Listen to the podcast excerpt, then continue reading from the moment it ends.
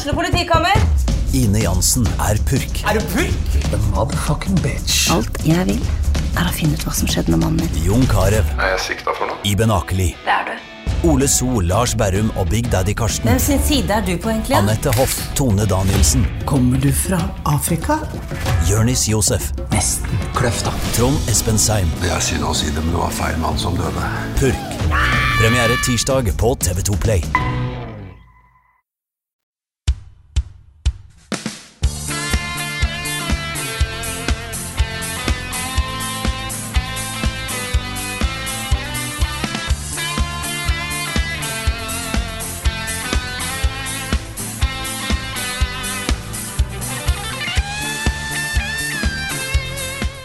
Er det rett før vi braker løs med en gigastream, men før da har vi selvfølgelig en podkast å spille inn til dere, våre kjære lyttere.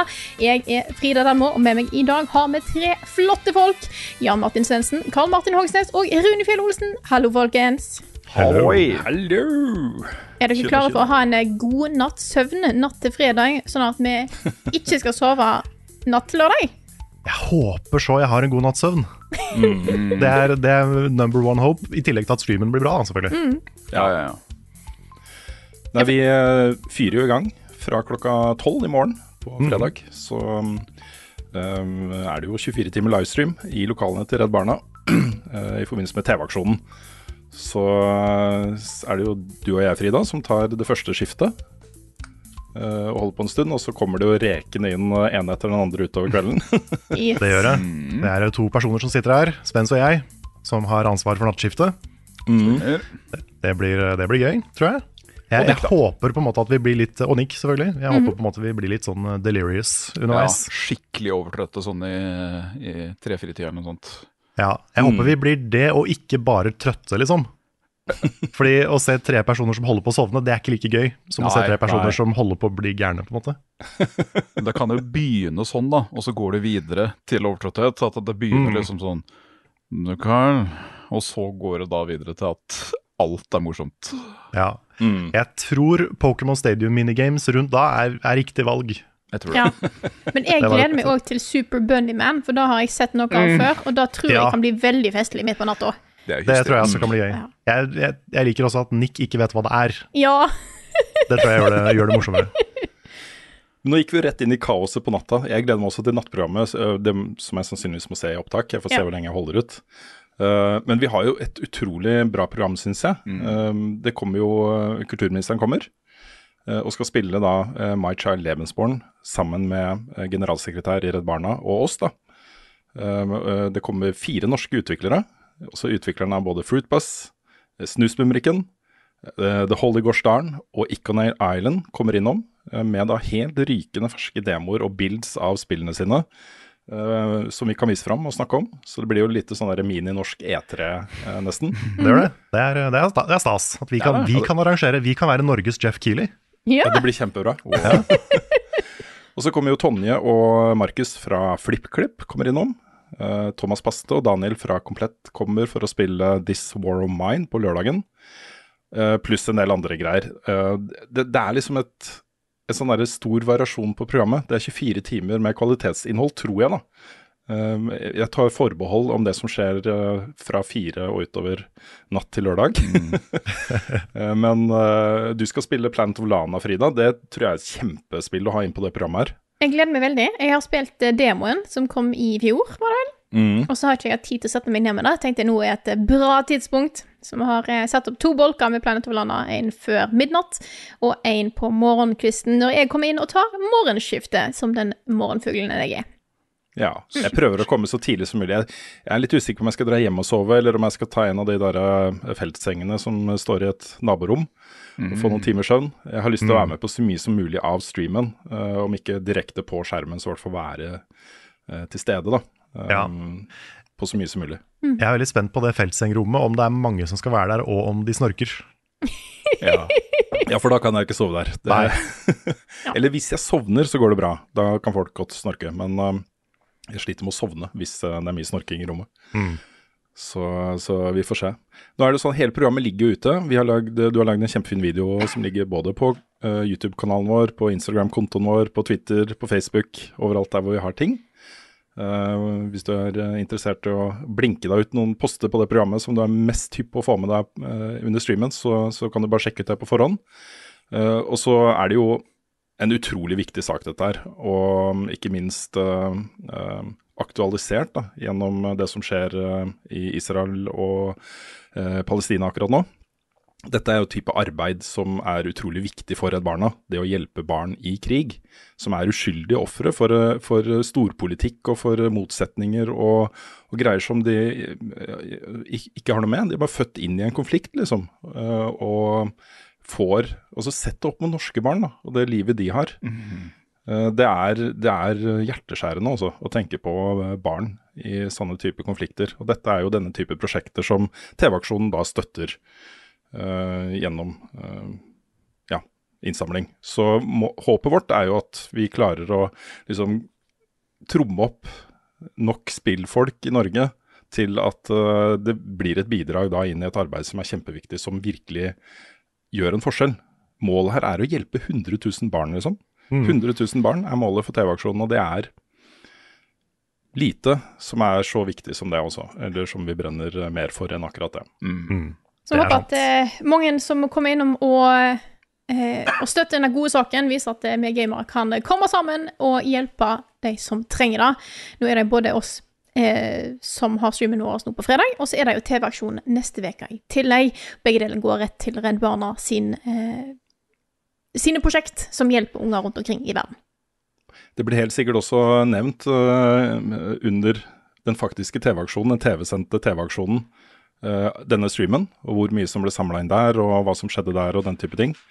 Uh, jeg ser vi også har fått en del spørsmål uh, hver gang vi har delt noe om dette her i, våre kanaler. vi har også uh, bl.a. fått fra Treitk på Discord. Hvordan gir vi penger under etter streamen?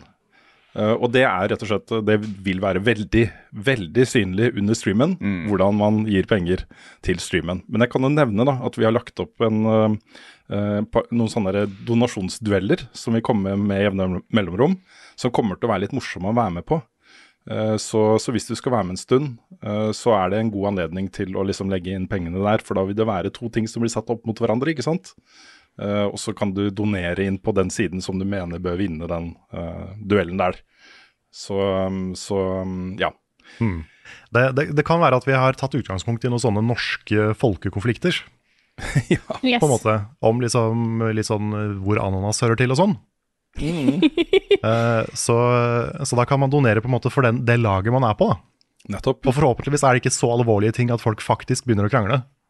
Nei, men jeg må jo si at i forkant nå, da, uh, så hadde vi, diskutert litt uh, hva disse skulle være. Og da uh, sa jeg liksom kommenterte den ene bare sånn Ja, får vi nok liksom Står folk nok på begge sider? For jeg mente jo at det er bare ett rett svar, og da fikk jeg krass eh, tilbakemelding fra dere andre i redaksjonen om at nei, dette skulle vi ta en god prat om. Eh, ja. Var det ikke det, Svens? Jo, stemmer det. Ja, ja. Så dette, Jeg gleder meg til vi skal ha denne diskusjonen på stream eh, i morgen.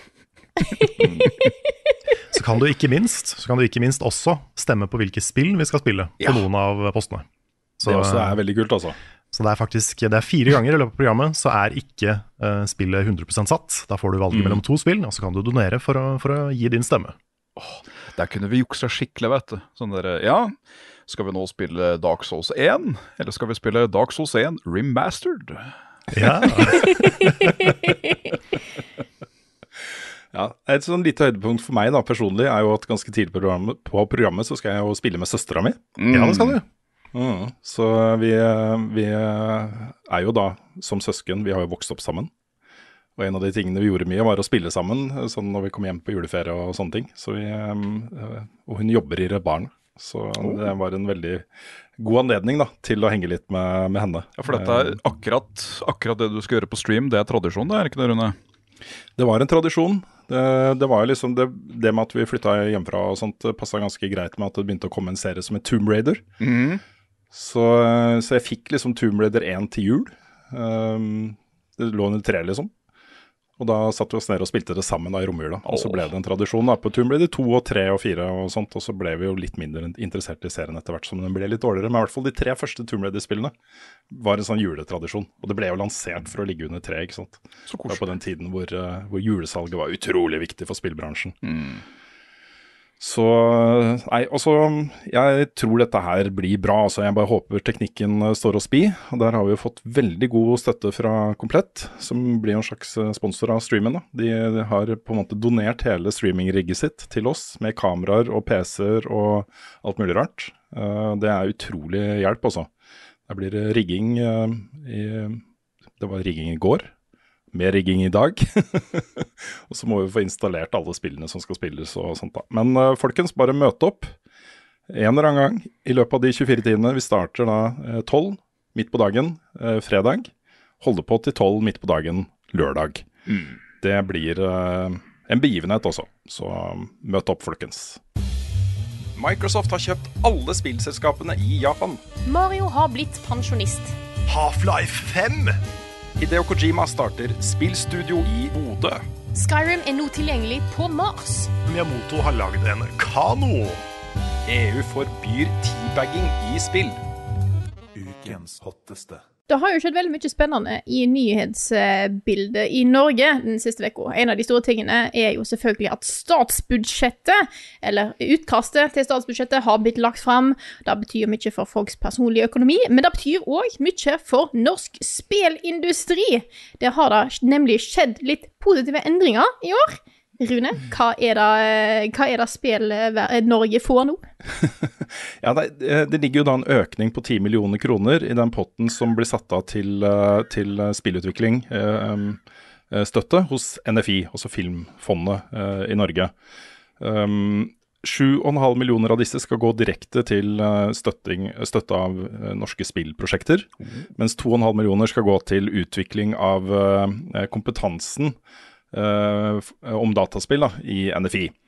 Eh, det betyr da at uh, til sammen så er jo potten nå på 66,5 millioner kroner. eh, og det begynner å ligne noe. Og jeg tror nok at den økningen på 7,5 millioner først og fremst er ment for å gi norske prosjekter mer penger per prosjekt. Ikke at man skal støtte flere prosjekter, men at eh, man legger inn en million eller to ekstra i den potten som blir tildelt da, til de som får støtte hos NFI. Dette er jo en sånn utrolig viktig uh, uh, greie for norske utviklere. Det betyr i praksis, den støtten fra NFI, uh, at man er i stand til å finansiere utviklingen av disse prosjektene som, som går. Da. Altså det er lønn, og det er eh, administrasjon, og det er de tingene som må på være på plass. Eh, og hvis man ikke har det, så er det mange av de som må ta ekstrajobber og kansellere ting og, og sånt. Så, så dette er kjempeviktig for norsk eh, spillbransje. Og Jeg syns også at, eh, at det kommer veldig fine signaler fra den nye kulturministeren vår, eh, Lubna Jafri, som også har kommentert denne um, mytiske nye spillstrategien til regjeringen, som jo fikk et lite skudd for baugen da Trettebergstuen og medhørende statssekretær Odin forsvant ut i kulissene i sommer. Um, men hun har da eh, kommentert at den er nært forestående, eh, og at den um, eh, vil eh, peke på en økt satsing på norsk spillbransje. Så jeg er fryktelig spent på den også. Og Lubna Jafri kommer jo til oss på eh, Redd Barna-streamen også, på, på fredag. Eh, og da skal jeg sørge for å få snike inn et spørsmål eller to om den strategien også. Jeg er veldig spent på Jeg er veldig spent på hva som skjer der også. Jeg håper du får en så sterk reaksjon på My Child Lemonsborn at du går hjem og så bare endrer budsjettet til å bli enda bedre. Ja. Nettopp. Men også My Child Lebensborn er jo det perfekte spillet for en sånn type stream, for den, den går direkte på den derre empatien for uskyldige barn i, eh, i eh, krig. Dette er jo et spill som handler om hvordan um, tyskerbarna ble behandla etter andre verdenskrig. Ja. da var vi okkupert i mange år, eh, og det ble jo noen barn av det. Dette var jo da helt uskyldige. eh, de kunne jo ikke noe for at moren deres hadde funnet seg en tysker. Det var jo liksom Den behandlinga de fikk av, det, av norske offentligheten, var helt forferdelig å tenke på. Eh, Så spillet i seg selv eh, handler om det, men den, eh, den er jo høyst relevant for alle andre typer konflikter og alle andre typer mobbing og eh, utenforskap og den type ting. Så, så jeg er fryktelig glad for å- og spent på uh, at kulturministeren og generalsekretæren i Redd Barna spiller dette her.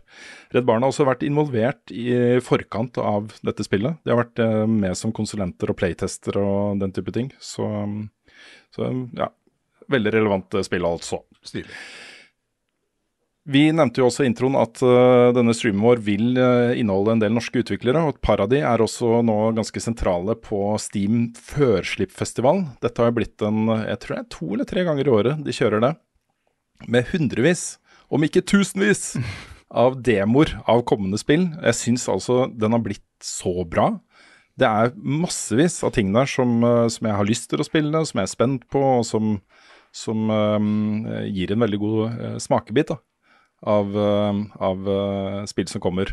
Og Et av disse spillene er jo The Holy Gosh Darn. Jeg så Aasan kommenterte at um, nå har de jobbet på dette spillet i tre år. Og så har de jobba skikkelig hardt på det i et par måneder pga. denne demoen da, som ligger på Frøslip-festivalen. Uh, så, så den ligger der. Snusmumrikken ligger der. Um, så, um, så hvis du har lyst til å sjekke ut det før streamen f.eks., så har du full mulighet til å gjøre det. Um, jeg har gått litt gjennom listene her også. Uh, Andreas uh, Viking kom innom på streamen vår for å uh, spille et par av sine favoritter fra Førslipp-festivalen. Uh, men jeg kan jo nevne da i fleng uh, et spill som heter Europa, som ser kjempebra ut. Et spill som heter Selini, som også altså, Ailuri. Selini Ailuri. Disse to spillene er veldig sånn derre koselige plattformlignende puzzle-opplevelser.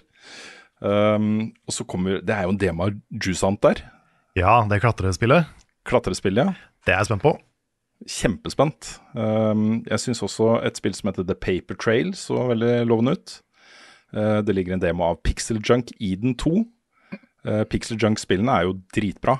Er, de har ikke lagd et dårlig spill uh, så langt. Uh, og så kommer det et nytt spill fra de danske utviklerne av Deep Rock Galactic, som heter Deep Rock Galactic Survivor. Som er egentlig det det høres ut som. Uh, at de lager et litt mer sånn derre uh, Jeg tror det er et Rogalight survival-spill. Uh, basert på da den store indie-hiten deres. Ghost Runner 2 ligger det demo av. The Talus Principle 2 ligger det demo av. Det ligger demo av The Jackbox Party Pack 10, Carl. Oi, en demo av det. Er det ett av Mm. spillene, da, sikkert? Det kan da. Det kan godt tenkes. Ha. Så kanskje, kanskje noe for uh, sene nattetimer det også, hvis man skulle trenge noe. Det er fint med backup. Mm. Og så har jeg notert meg et spill som heter Gunhead, som også så dritkult ut. Gunhead. så det er, det er masse bra, og så er det masse annet bra. Det er masse, det er masse bra.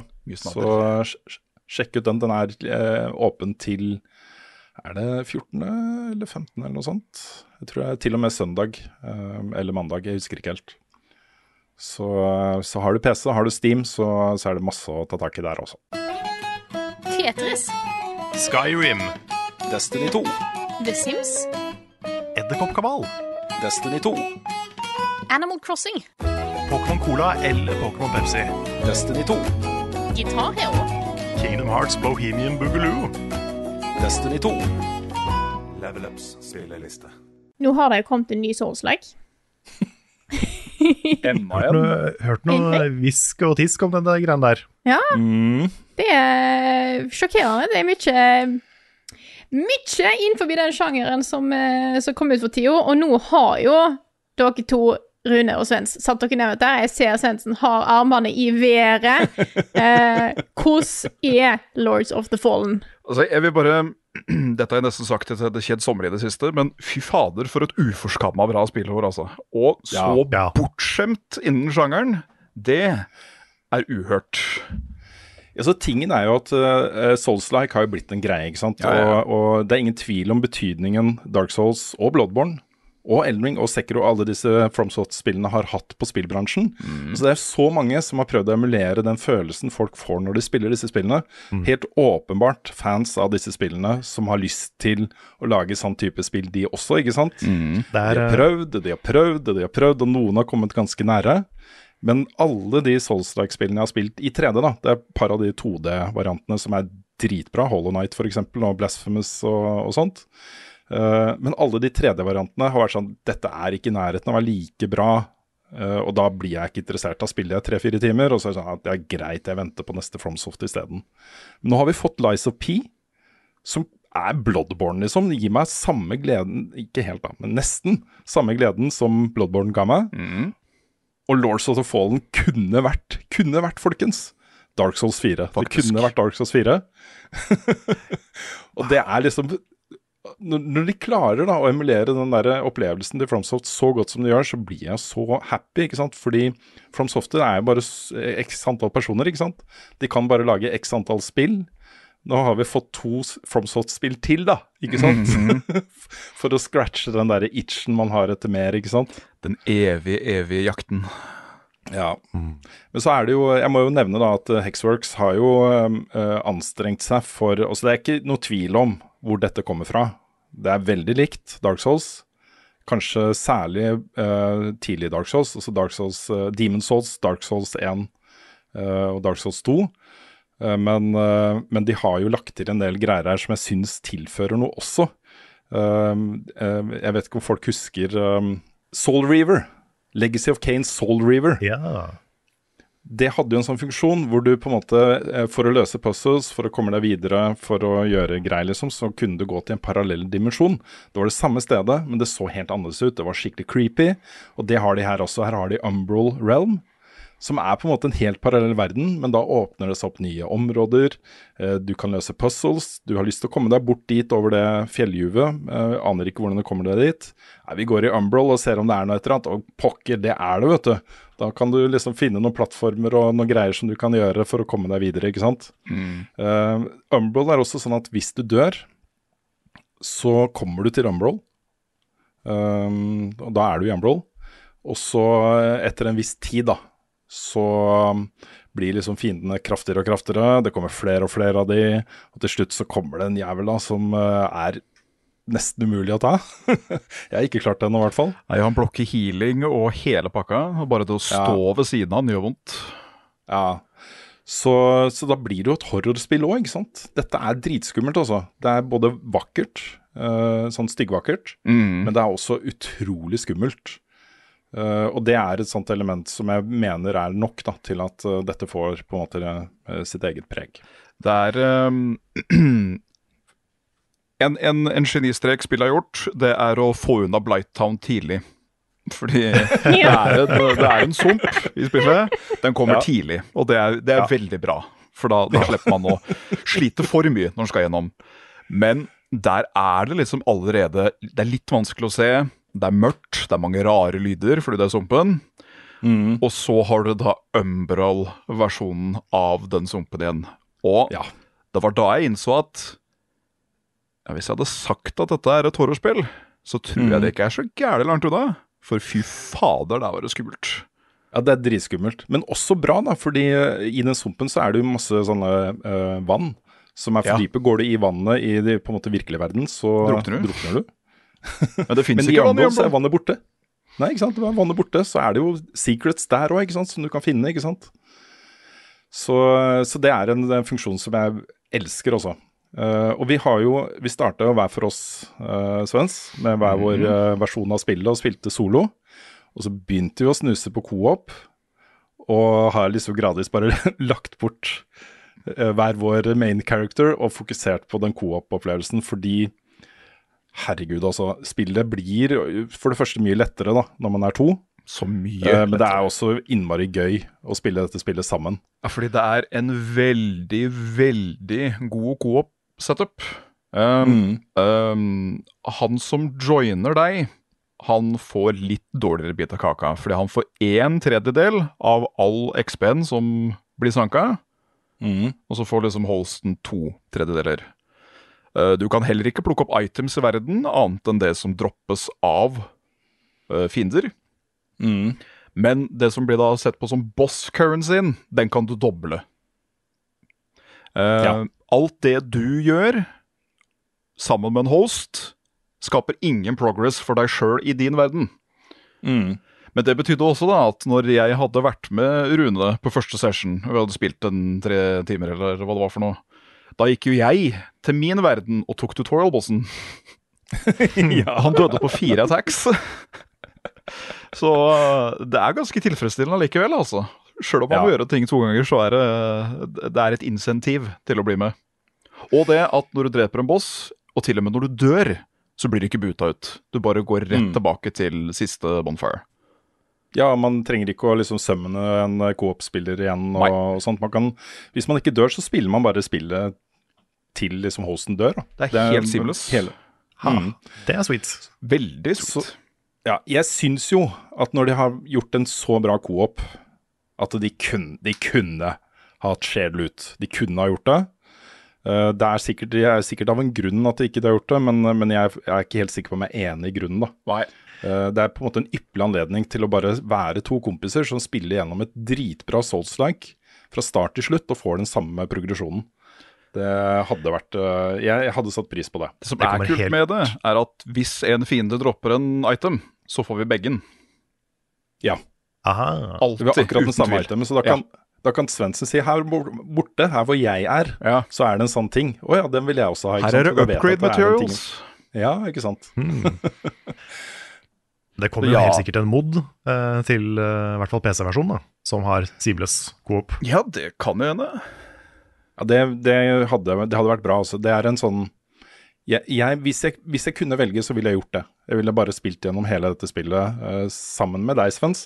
Vi har jo fått en sånn tradisjon på den type co-op-opplevelser nå. Det det. er utrolig hyggelig. Altså. Det er det. Kjempehyggelig.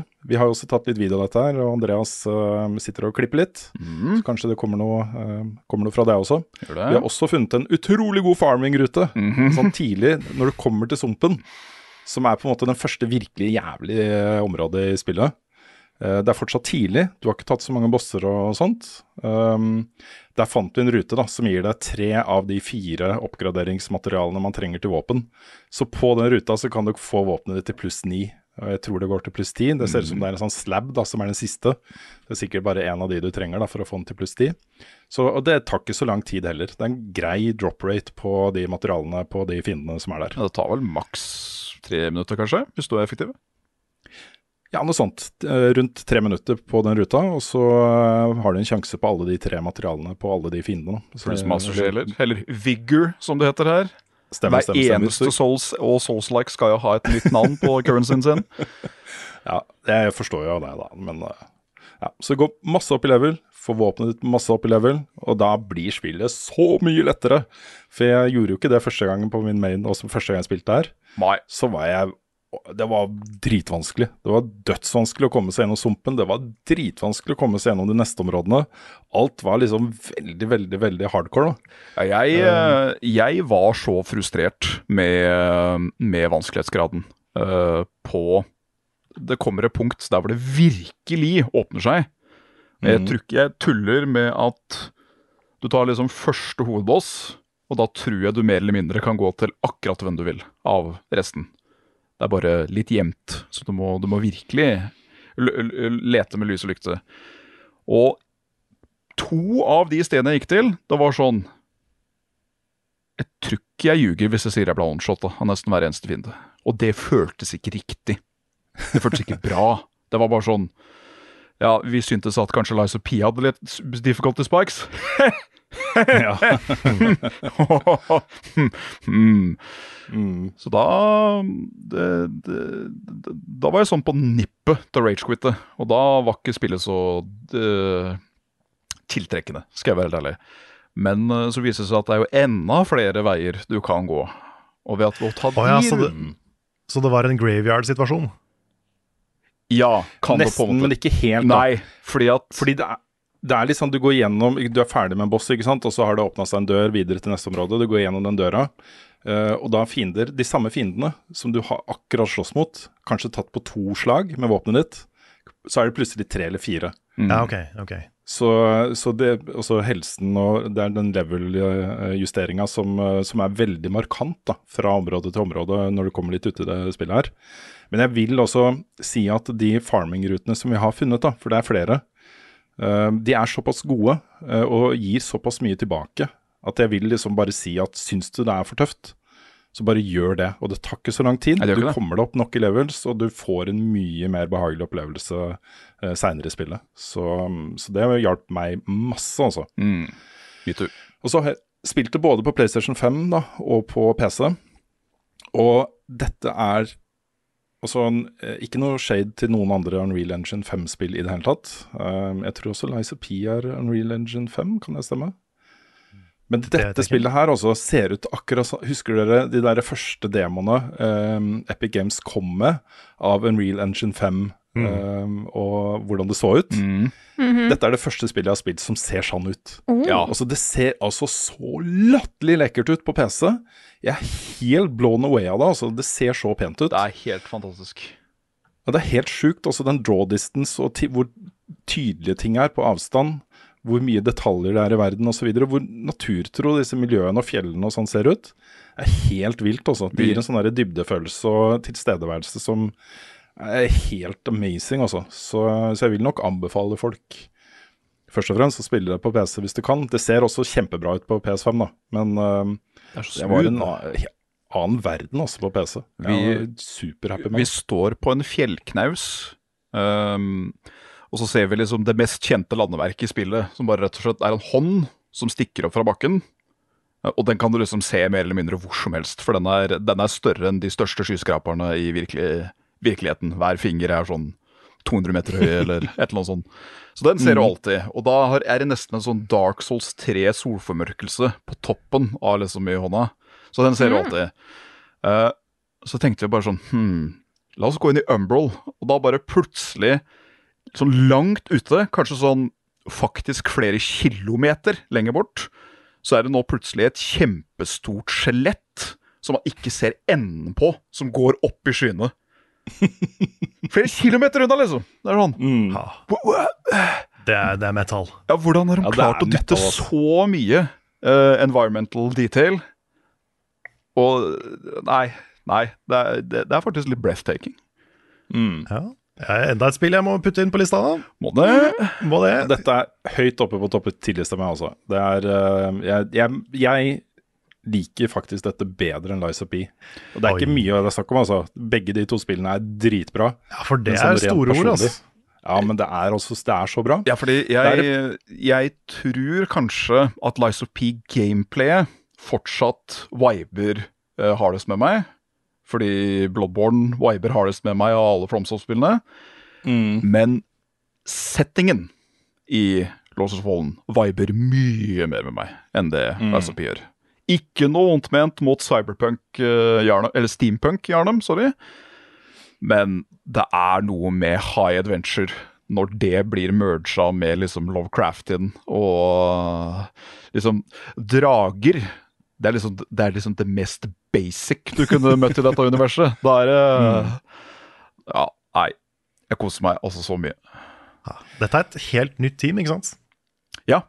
Fordi dette er ikke en, dette er ikke en, øh, dette er ikke en prequel, det er ikke en sequel, dette er en reboot. Ja. Ja, de har egentlig bare tatt over uh, merkevaren Ja. uh, og så lagd et nytt spill. mm. for dette Hva er skjer med at nye teams har blitt så sykt gode på å lage Souls-kopier nå? Bare sånn plutselig. kanskje det der nye synet inn på det. sant? En ny approach istedenfor at en, en er litt stuck i de vanlige tingene ja. de har gjort før. Mm. Ja, Istedenfor fordi, å prøve å emulere for mye, så prøver de liksom å Ja, vi, vi veit hvordan skjelettet skal være, men la oss prøve å lage, gjøre vår egen ting. mm. ja, fordi de Deck 13-folka som lagde Surge og det første Lords of the Fallen, det er ikke det første spillet som heter Lords of the Fallen engang. Nei. Nei, det er ikke det? Eh, de har jo prøvd mange ganger, og nesten fått det til. Ja, for jeg syns jo de fikk det til mye bedre med å ha sin egen identitet innenfor sjangeren med Surge 2. Ja, det synes Surge jeg. 1 òg, for så vidt, selv om Altså Surge 1 er ganske med, men sånn feelingmessig så føltes det kjent, men annerledes allikevel. Sant? Jeg har liksom gått fra sånn som det og Code Vein og sånne spill som prøver, men ikke helt får det til, Ja, til nå plutselig så er de kjempebra. Mm. Så det er en, det er en kul, kul trend å se. fordi Code Vein òg føltes veldig uh, ulikt, må jeg være helt ærlig. Det var bare at det var bare synd at det ikke var så bra. Mm. Jeg har fortsatt et par issues med spillet, da, også Ja. sånne mi minor greier. Det lugger litt. Uh, ja. Uh, nå vi, Den bilden vi har spilt av spillet, har ikke vært helt ferdig. Uh, Det har vært en memory leak der et eller annet sted som gjør at hvis du har litt lange sessions Nå blir det mange engelske ord her, beklager. Beklager. Lange sesjoner. Ja, lange sesjoner, så, så begynner det å lagge, rett og slett. Um, der kom det en patch i dag tidlig som jeg tror De, de sa i hvert fall at den var uh, mynta på det. Da. I can confirm. Ja, men det er veldig bra. Uh, og så er det et eller annet Det er ikke alltid de får til balansen her. Det hender at du kommer inn et sted, og så er det en fiende som hopper ut fra noen esker som du ikke har sett, liksom, bak deg. Og så kommer det to-tre fiender som skyter ildgreier fra deg fra en sånn ledge hylle litt oppe der, et eller annet. Og så kommer det to-tre svære uh, uh, mobs. Og så kommer det fem, seks, sju mindre mobs, og alle liksom på deg på én gang. Da. Og så dør du og blir dratt inn i Umbral, og der er det sju fiender til. Nettopp. Så det er veldig overveldende plutselig fra tid til annen. noen ganger så er det Fra å være helt chill til å være liksom sånn Ok, det står to bueskyttere der, og så er det to folk her. Ok, ok. Mm. Men så, som du sier, plutselig ramler du inn i et rom, og så er, er hele hæren der. Ja. Det føles ikke helt bra. Eh, vi opplevde noe som òg mest sannsynligvis var en bug, eller eh, en, en, eh, en early, early lugg. Men eh, jeg har nå konsekvent spilt med Rune. Altså, jeg har vært i hans verden. Og jeg aktiverte da spillets bonfire. Men det telte ikke for Rune. I hans Oi. egen verden. Nei. Så vi døde. Nei, det er sant. Og så måtte vi da ta en liten løype for å komme tilbake, fordi nei, han hadde jo ikke den aktivert i warpe-systemet sitt. Da kom Mm. Ja, det, det var ganske langt. Det var ganske langt unna forrige Det var lagringspunkt også, så vi ja. Se for deg et system hvor du kan invadere noens verden og så bare ta ballfiren deres. Oi, ja. Det hadde vært Bare, gøy. bare stjele den. Jeg, jeg kan si nevne det. ting om New Game Plus også, som jeg syns er veldig gøy. For du kan jo lage dine egne bonfires eh, her, med en sånn egen ressurs, da. Akkurat sånn som uh, det var ment å være i Dark Souls 3. Riktig. Um, det er utrolig nyttig. Du kan bare ha én aktiv om gangen. Så du setter den opp et sted hvor du liksom Her, ok, eh, det, her gir meg litt bedre tilgang på den vanskelige bossen eller I'm et eller annet. farther away from home than I've ever been. Ikke sant. I New Game Plus så er det det eneste bonfire-systemet du har. Det er ingen av de der faste rundt omkring som eh, er aktive. Da kan du bare Du har ett. Du har ett bonfire. Det er det du har. Kult. Mm, Ja, det også syns jeg er veldig kult. så um, ja. Um, skal vi runde av litt? Det kommer jo en anmeldelse fra deg på dette, Svens. Ja, kommer snart. Vi skal fortsette å spille sammen. Jeg er utrolig spent på hvordan dette her slutter. altså. Ja. Um, det er, uh, jeg er veldig glad i dette spillet. her. Det er også um, Jeg syns minibossene i dette spillet er mer overkommelige enn noen av de der vanskelige minibossene som du finner i andre Ja, ja, ja. Software-spill og, og Soul Strikes. Husker du du- tror liksom at her, her blir vi stående en time, og så nei, det gjør vi ikke. Det var jo en boss vi rett og slett grusa på egen hånd hver for oss, men så Ja. var vi plutselig to når vi skulle slåss mot den. Og hun er litt ute i spillet, men hun døde Mhm. på fem attacks.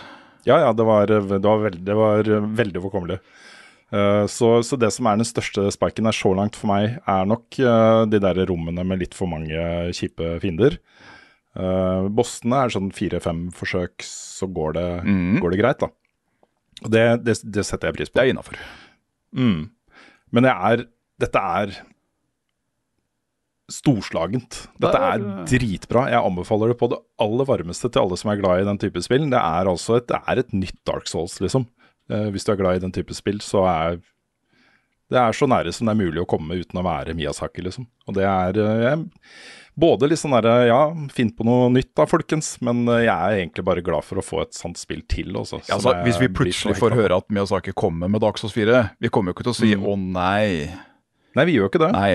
uh, og dette her er store ord. Det kan hende jeg må gjette det senere, jeg vet ikke. Nei, jeg tror ikke det. Men level-designet i Lords of the Fallen, det har et Miyazaki-stempel på seg, faktisk. Ja da. Jeg, de, de har altså Man sier at uh, Hva heter det? Um, imitation is the purest, highest form of flattery. Og det er jo litt sånn det føles. da Dette er en hyllest, altså. Dette er folk som har vokst opp med en type spill som jeg også.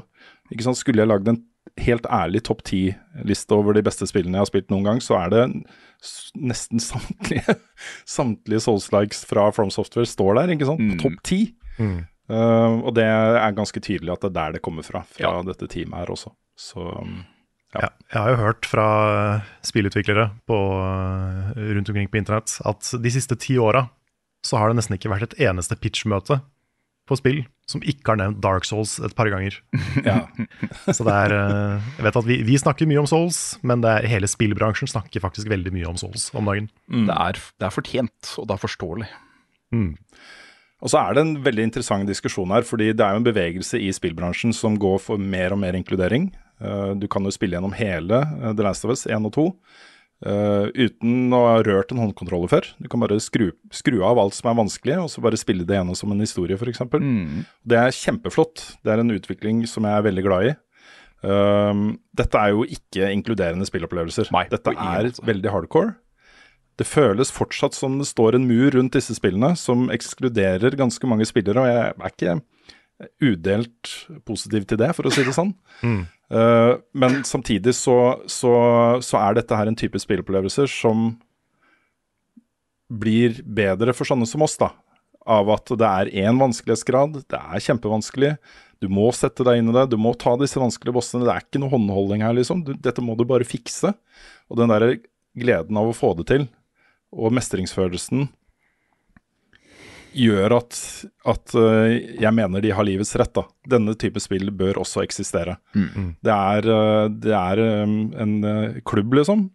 Eh, jeg er innafor klubben og snakker fra det ståstedet. Eh, men det er Ja, jeg, jeg, det er en klubb jeg er glad for å være medlem i, på en måte. Mm. Livstids Livstidsmedlem. medlem. ja. Jeg er litt sånn Det- støttemedlem. Ikke sant? Ja.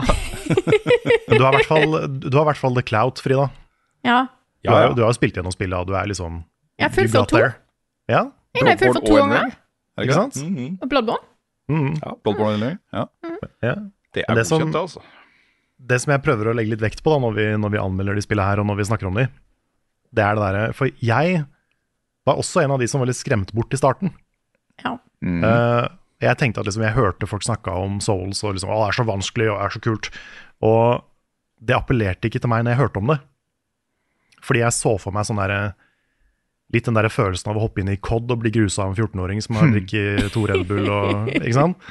Mm. Det var det jeg så for meg når jeg hørte at det var vanskelig. Men det er ikke sånn. Det handler mye mer om å bare være tålmodig og lese fiender og lære seg ting. Mm. Og når du får til det, som ikke krever at du har noen spesiell reaksjonsevne eller noe spesiell sånn Du trenger ikke å være en sånn god gamer, du trenger bare å være tålmodig. Mm. Mm. Og det kan eh, alle som fikser vanlige spill, fikser Souls og fikser disse typer spillene. Og når du gjør det, så Hvis du er som oss, da, så får du den der følelsen av at shit, nå klarte jeg noe. I. Mm. Mm. Jeg vil jo si at hvis du har runda et spill som Horizon eller God of War eller uh, Spiderman eller uh, Ja, ja, ja. en av disse, liksom, så er du klarer Du får til disse spillene her også. Mm. Det krever kanskje mer i starten enn det gjør på en del andre spill, som jo leder deg inn i opplevelsen på en litt mer sånn behagelig måte. Mm. Men uh, du, du får det til, ass. Det er, det er på en måte et sånt språk du må lære i starten. Mm. Og når du først har blitt god i ett av disse spillene, så er det ganske mye overførbar skill til de andre. Mm. Kanskje med unntak av Sekiro, som er sitt eget beist. Men, ja. men alle de andre, så, så er det veldig mye sånn som overlapper, da. Mm. Og apropos Sekiro, som du sier i anmeldelsen. Det er vanskelig, det er tøft, men kanskje du klarer det, vet du. Ja, tenk om du klarer, ikke sant? Og tenk om, du, tenk om du får en av de beste spillopplevelsene du har hatt noen gang. Ja. Det er det som skjedde med oss. Det er derfor vi sitter her og er så varme rundt disse spillene. Ja, ja. Men Lords of the Fallen lanseres, eh, tror det er 13., Ja. altså på fredag. Det er en fall. Uh, sperrefrist på anmeldelser er i dag, 12. klokka 15.00. Jeg tror podkasten er ute til det. Uh, prøver å få til det, i hvert fall. Så, um, uh, og så kommer jo anmeldelsen din etter hvert, uh, Svens. Ja, Pluss da litt sånn merinnhold. Dette Ja, ja, ja. kom- kommer vi nok til å snakke mer om og etter hvert som du også får spilt, eh, Carl, og kanskje Nick også. Så eh, jeg har lyst til å snakke mer om dette spillet her også. Yes. Det er, um, det er dritbra. Så fra da Umbral Horror og Lovecraftian og, og um, hardcore shit Frida, nå har du også fått spilt uh, Cocoon. Jeg har spilt litt Cocoon. Jeg fikk Ja. testa det eh, for Gud, det er tida flyr. Jeg har jo vært vekkreist i ei uke. Jeg, jeg vet ikke når vi er i oktober engang. Nei, eh, jeg fikk spilt det litt for litt sånn siden, rett, rett etter det kom ut. Jeg fikk spilt en liten times tid. Og da måtte jeg sende melding til Rune med en gang. Eh, Mm. Er det noen som anmelder dette her? Hvis ikke kan jeg se på det etter hvert. Fordi at jeg syns det var så dritkult. Mm. Eh, Jeg vet du snakka litt om det i forrige uke, men eh, jeg syns det er så gøy å se en så kreativ take på puslespill. Der jeg virkelig av og til må tenke litt på eh, eh, På hvordan jeg skal løse ting. I starten var jeg sånn Å, dette her dette her virker som noe jeg har sett før, men veldig fort så ble det noe nytt. Dette her med at du har disse ulike verdenene som du går inn og ut av. Du må ta med deg disse verdenene inn i en annen verden. Og så sånn, OK, nå har jeg lagt igjen den verden der borte, men jeg trenger denne verden for å få løst noe i den verden. Og så bare sånn, hvor putter du disse kulene henne? Utrolig stilig konsept. Ja, dette er en sånn type visuell uh, historiefortelling og puzzle-informasjon. for du får jo det, de gir deg jo ikke noen beskjed om hva du skal gjøre. Du må bare tolke de visuelle eh, signalene du får fra verden for å finne ut hvordan du skal løse puzzles. Liksom sammenlignbart, jeg vet ikke om dere husker den der sekvensen ganske tidlig i Inside. Du kommer inn i en låve. Du vet hvor du skal, men du aner ikke hvordan du skal komme deg dit. Og så er det noen sånne kyllinger da, som følger etter deg.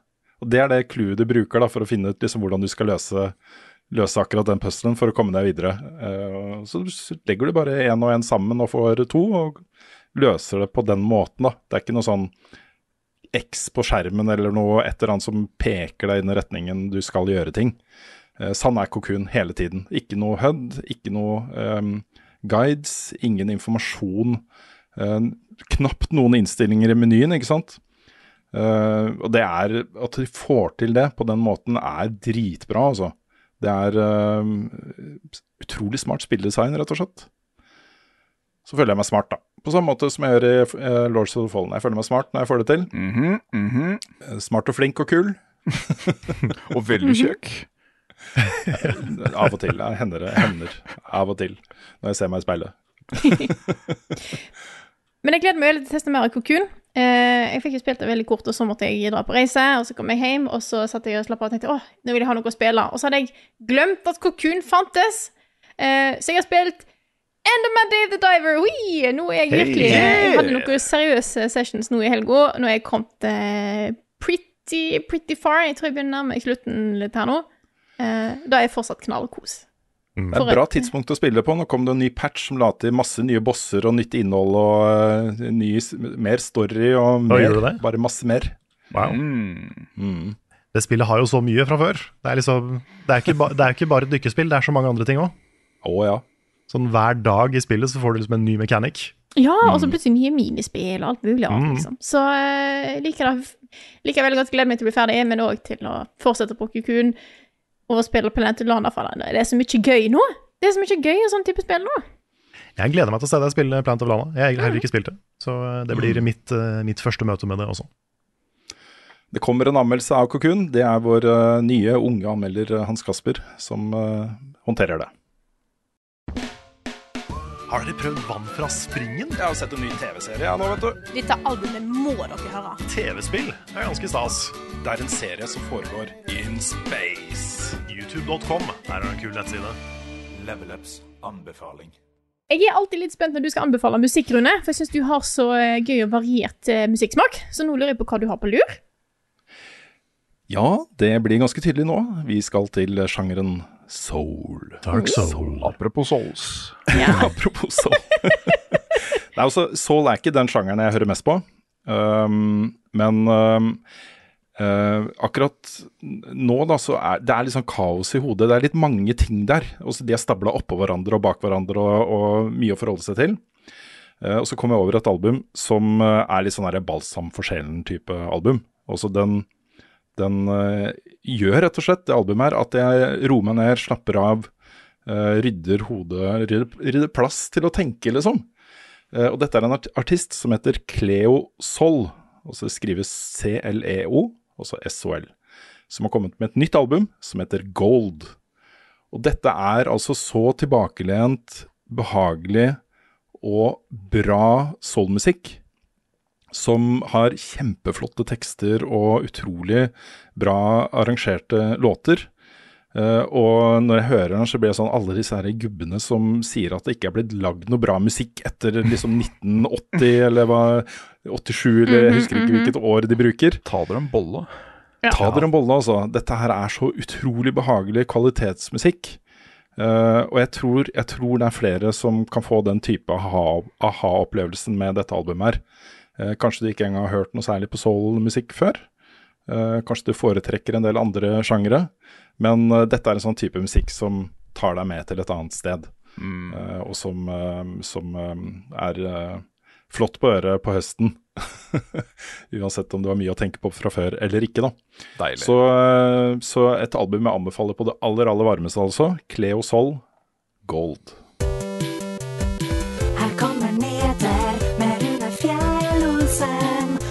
Han har ikke hår. Masse store saker å gå gjennom denne uka her. Begynner med uh, litt sånn derre hardware-begjær, uh, kanskje. Mm. Uh, for Sony har da, ikke uventa, avduket sin PlayStation 5 Slim. Slim. Den er annonsert for lansering i USA i november. Med da lansering i resten av verden i påfølgende måneder, det er sånn som det blir beskrevet. Så jeg tror ikke den kommer til Norge før jul. Det kan hende, men jeg tror ikke det. Uh, og dette er jo da en Den ser ut som den PlayStation 5-modellen som er ute i dag, men den er 30% mindre i volum, i størrelse. Um, den vil koste uh, uh, Den som har disk drive, vil koste 550 euro. Jeg har ikke sett noen norsk pris av det ennå, men det tilsvarer nok det samme som altså rundt 5500 i Norge, tenker jeg. Mm -hmm. mens den digitale versjonen vil koste da tusenlapper mindre, altså 450 euro. Um, begge har 1 terabyte eh, lagringsplass. Um, og det er også sånn at hvis du kjøper den digitale, så kan du ta av en liten plate og kjøpe diskdriven separat oh. og feste den på. Så hvis du angrer, så har du en retrettmulighet på den, da. Uh, som jo er ganske bra. Men det koster jo da uh, ja, 120 euro ekstra, så litt dyrere. Ja. Hvis du skal kjøpe de to separat. Men det er jo veldig greit, da, for da har du på en måte mer den fleksibiliteten. Mm, Hvis en var usikker på åh, hva trenger jeg å ha den diskdriven, Eh, nei, vet du hva, jeg, tør, jeg, går for den digitale. Og så kan du oppgradere etterpå. Mm. Mm. Men altså, jeg ser at det har Nei, beklager. Fortsett. Nei, bare fortsett. Ja, jeg ser at det har kommet kommentarer på utseendet på den her. Mm. Var det du som hadde en joke på dette, Carl? Ja, jeg bare, bare kommenterte at det ser ut som den med disk-driven den, den, er så veldig slank, og så buler den veldig ut akkurat der hvor diskdriven er. Mye mer enn det PlayStation 5 gjør nå. Uh, så det ser liksom litt ut som at den har stjålet en diskdrive og prøver å gjemme den under genseren. så jeg, jeg syns ikke den, den, var like kul. Ja, så der, ja. Den var litt mer mm. bulky, liksom. Ja, minner meg uh, veldig mye om den, uh, den første varianten av PlayStation 3. Den, den, den tubben. Ja. ja. Men jeg syns den, eh, den, som har uten drive, synes jeg er kul. Jeg, synes at, jeg tror nok det blir spennende, siden den er mindre, eh, hvordan det blir med varme og nedkjøling. Eh, mm. PlayStation 5 som er ute nå, eh, er jo veldig stille.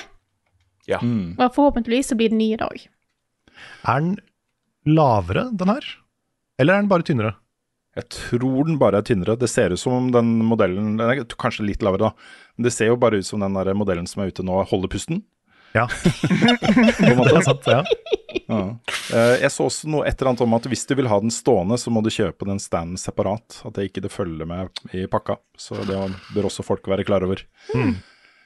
Um, vi har fått et uh, spørsmål her fra Kristoffer Gettoboys Hansen, som lurer på om det blir et kjøp av PS5 Slim når den kommer ut, eller holder du med originalen? Hva tenker panelet vårt om det? Holder for min del. Jeg trenger ikke en ny en. Når det er på en måte eneste at den er litt mindre.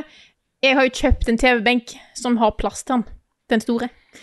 Uh, selv om den TV-benken har litt problem, fordi at uh, på den ene sida så har liksom all malingen begynt å skrelle av, for det var PlayStation 4-en som gikk så varme at alt limet ja. i TV-benken har smelta. Kokk igjen, rett og slett. Nei, den eneste grunnen til at jeg nesten kunne vurdert det, det er for at da kunne, da kunne Marte tatt over min andre PS5 og spilt Boulderskate. Boyfriend. Mm -hmm. Fordi hun får ikke spilt Boulderskate, og det er liksom hennes drømmespill. Mm. Men, Men hun har ikke eh, en PC heller hun kan spille det på. Nei, bare en laptop som, ikke, som, ikke, som eh, mildt sagt ikke kjører bollerskate. Veldig apropos det, da. Eh, vår egen kjære Andreas Viking var jo gjest på nederlandslaget en uke her. Da snakker han om det, da. At eh, han, eh, han eh, spiller Bollerskate 3 med kjæresten, med Mhm. dama.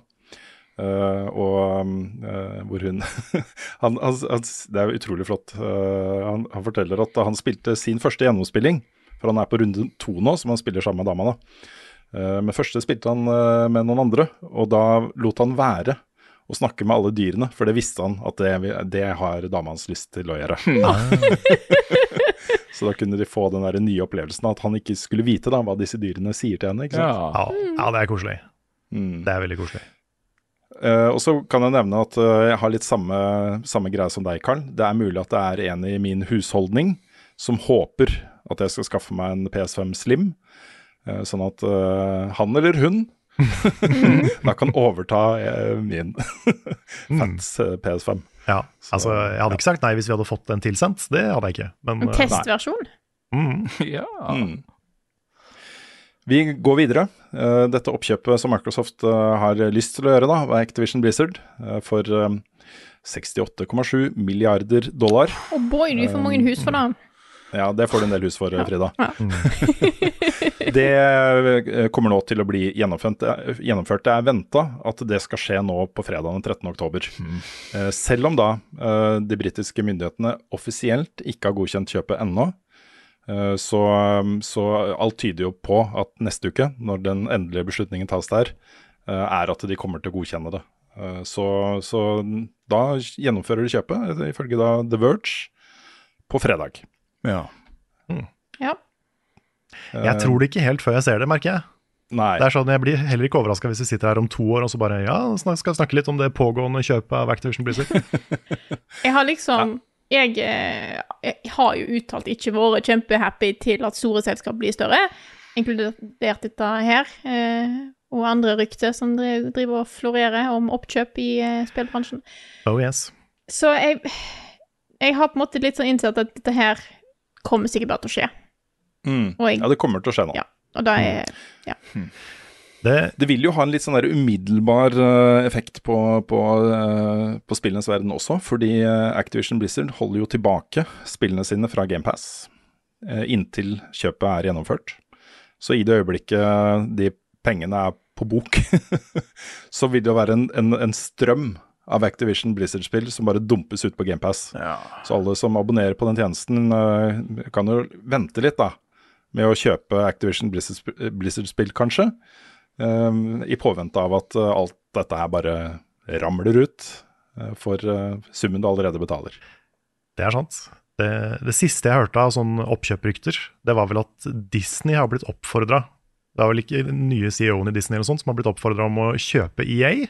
Ja, Eller kjøpe en, en, en, en spillutgiver på størrelse med EA, var på en måte eh, Ja, det som ble sagt, da. Ok. Kan noen stoppe Disney? Ja, nå er, nå er Disney nok. Vær så snill. Ja, fordi at en ting er at du har Altså, jeg syns jo kanskje ikke, ikke at Konkurransetilsynet i USA og verden gir nok alltid. Men noen må si til Disney at nå må dere gi dere. For de eier jo alt. De eier alt. De eier Ja. alt. Snart er hele verden Disney World. Ja. Nei, vi får uh, følge det opp til uka med de faktiske eh, konsekvensene og resultatene av dette her. En annen sak vi har snakka en del om de siste ukene, er jo uh, trøbbel med Unity og innføring av nye uh, betalingsmodeller for, for brukerne av Unity, altså grafikkmotoren Unity. Stemmer. Eh, en av de som har fått mest kritikk, er jo toppsjefen i Unity, John Ricciotello, som da kom fra en sånn type stilling i EA eh, tidligere. Ja. Vært bak en del av de eh, modellene som har blitt innført her.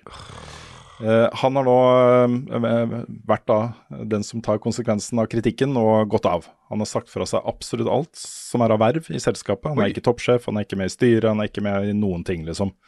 Og er klar for nye utfordringer, som han sier. Ja. Så, um, så det var nok et nødvendig grep, tror jeg, i hvert fall hvis de har et visst håp om å gjenvinne tilliten blant en gjeng med utviklere som er ganske sure på Unity om dagen. Med så, um, så, ja, så, så var nok det nødvendig grep, tenker jeg da. Mm. En ting vi snakka om i forrige uke, er jo at det er tøffe tider i spillbransjen om dagen. Eh, mye oppsigelser, eh, nedskjæringer eh, og kutt. Eh, til tross for da, at eh, de fleste av disse som kutter, de rapporterer jo om ganske svære overskudd. Um, overskudd. Ja. Det er mye penger i omløp, omløp, men det er mye usikkerhet nå rundt fremtidig inntjening og rundt, uh, rundt inntektsmodeller og, og sånne ting. Vi ser en del svære utgivelser floppe. Også utgivelser som folk har brukt utrolig mye penger på, Forspoken f.eks. Um, svære investeringer da, som de ikke får tilbake. Uh, kombinert da med en uh, ganske vanskelig økonomisk situasjon generelt, som vi også merker her i Norge. Uh, det er f.eks. en sånn 5 uh, prisstigning på alt mulig rart i USA om dagen. Så, så folk sliter litt mer enn før. da. Og Nå har en utvikler som heter Faran Nord i Riot Games satt seg ned og liksom analysert alle kuttene. og funnet ut da at hittil i år så er det um, over 6000 spillutviklere som har uh, enten uh, blitt permittert eller fått sparken. Oi. Og det er uh, uh, ja dramatisk. Uten tvil. Ja, det er en skummel bransje. Mm. Vi uh, har konkurranse på fredag, folkens. Oi. Det er en utrolig kul kinovisning på Cinemateket på fredag. Uh, det er en dansk dokumentar som heter um, uh, Kim, Kanor, kan, Kim Kanonarm og reisen mot verdensrekorden, heter dokumentaren. Mm. Det handler om en, uh, en fyr som heter Kim Købke. Kim Kubke. Som Kim er uh, ekspert på arkadespill. Og så han, uh, han er dritgod. Han er, han er liksom litt den derre uh, uh, King of Kong, er det ikke det heter, den dokumentaren? Jo, stemmer. Han er litt sann, han er en sann type. Han er dritgod og har liksom verdensrekorder og er kjempeflink. Bare i positiv fortegn, håper jeg. Bare i positiv fortegn. Eh, særlig i et spill som heter uh, Gyrus, og uh, Buster, uh, Gyrus er spillet hans.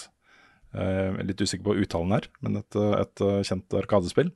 Denne dokumentaren har fått litt sånn gjetord for å være en utrolig varm og inkluderende og flott beskrivelse av et, uh, et uh, veldig viktig og stort og varmt uh, retromiljø. Knytta til disse arkadespillene og gamle spill og den type rekordjakt og osv.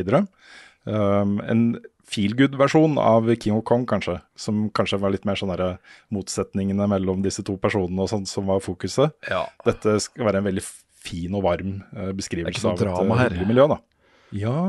Eh, og den filmen vises da på Cinemateket på fredag, Uh, og Tilt uh, er også har plassert da arkademaskiner i hallen, og du kan spille det og Åh. sånne ting Å, så i forbindelse med den. Så koselig. Altså, det er et veldig flott event, eh, arrangert av NFI.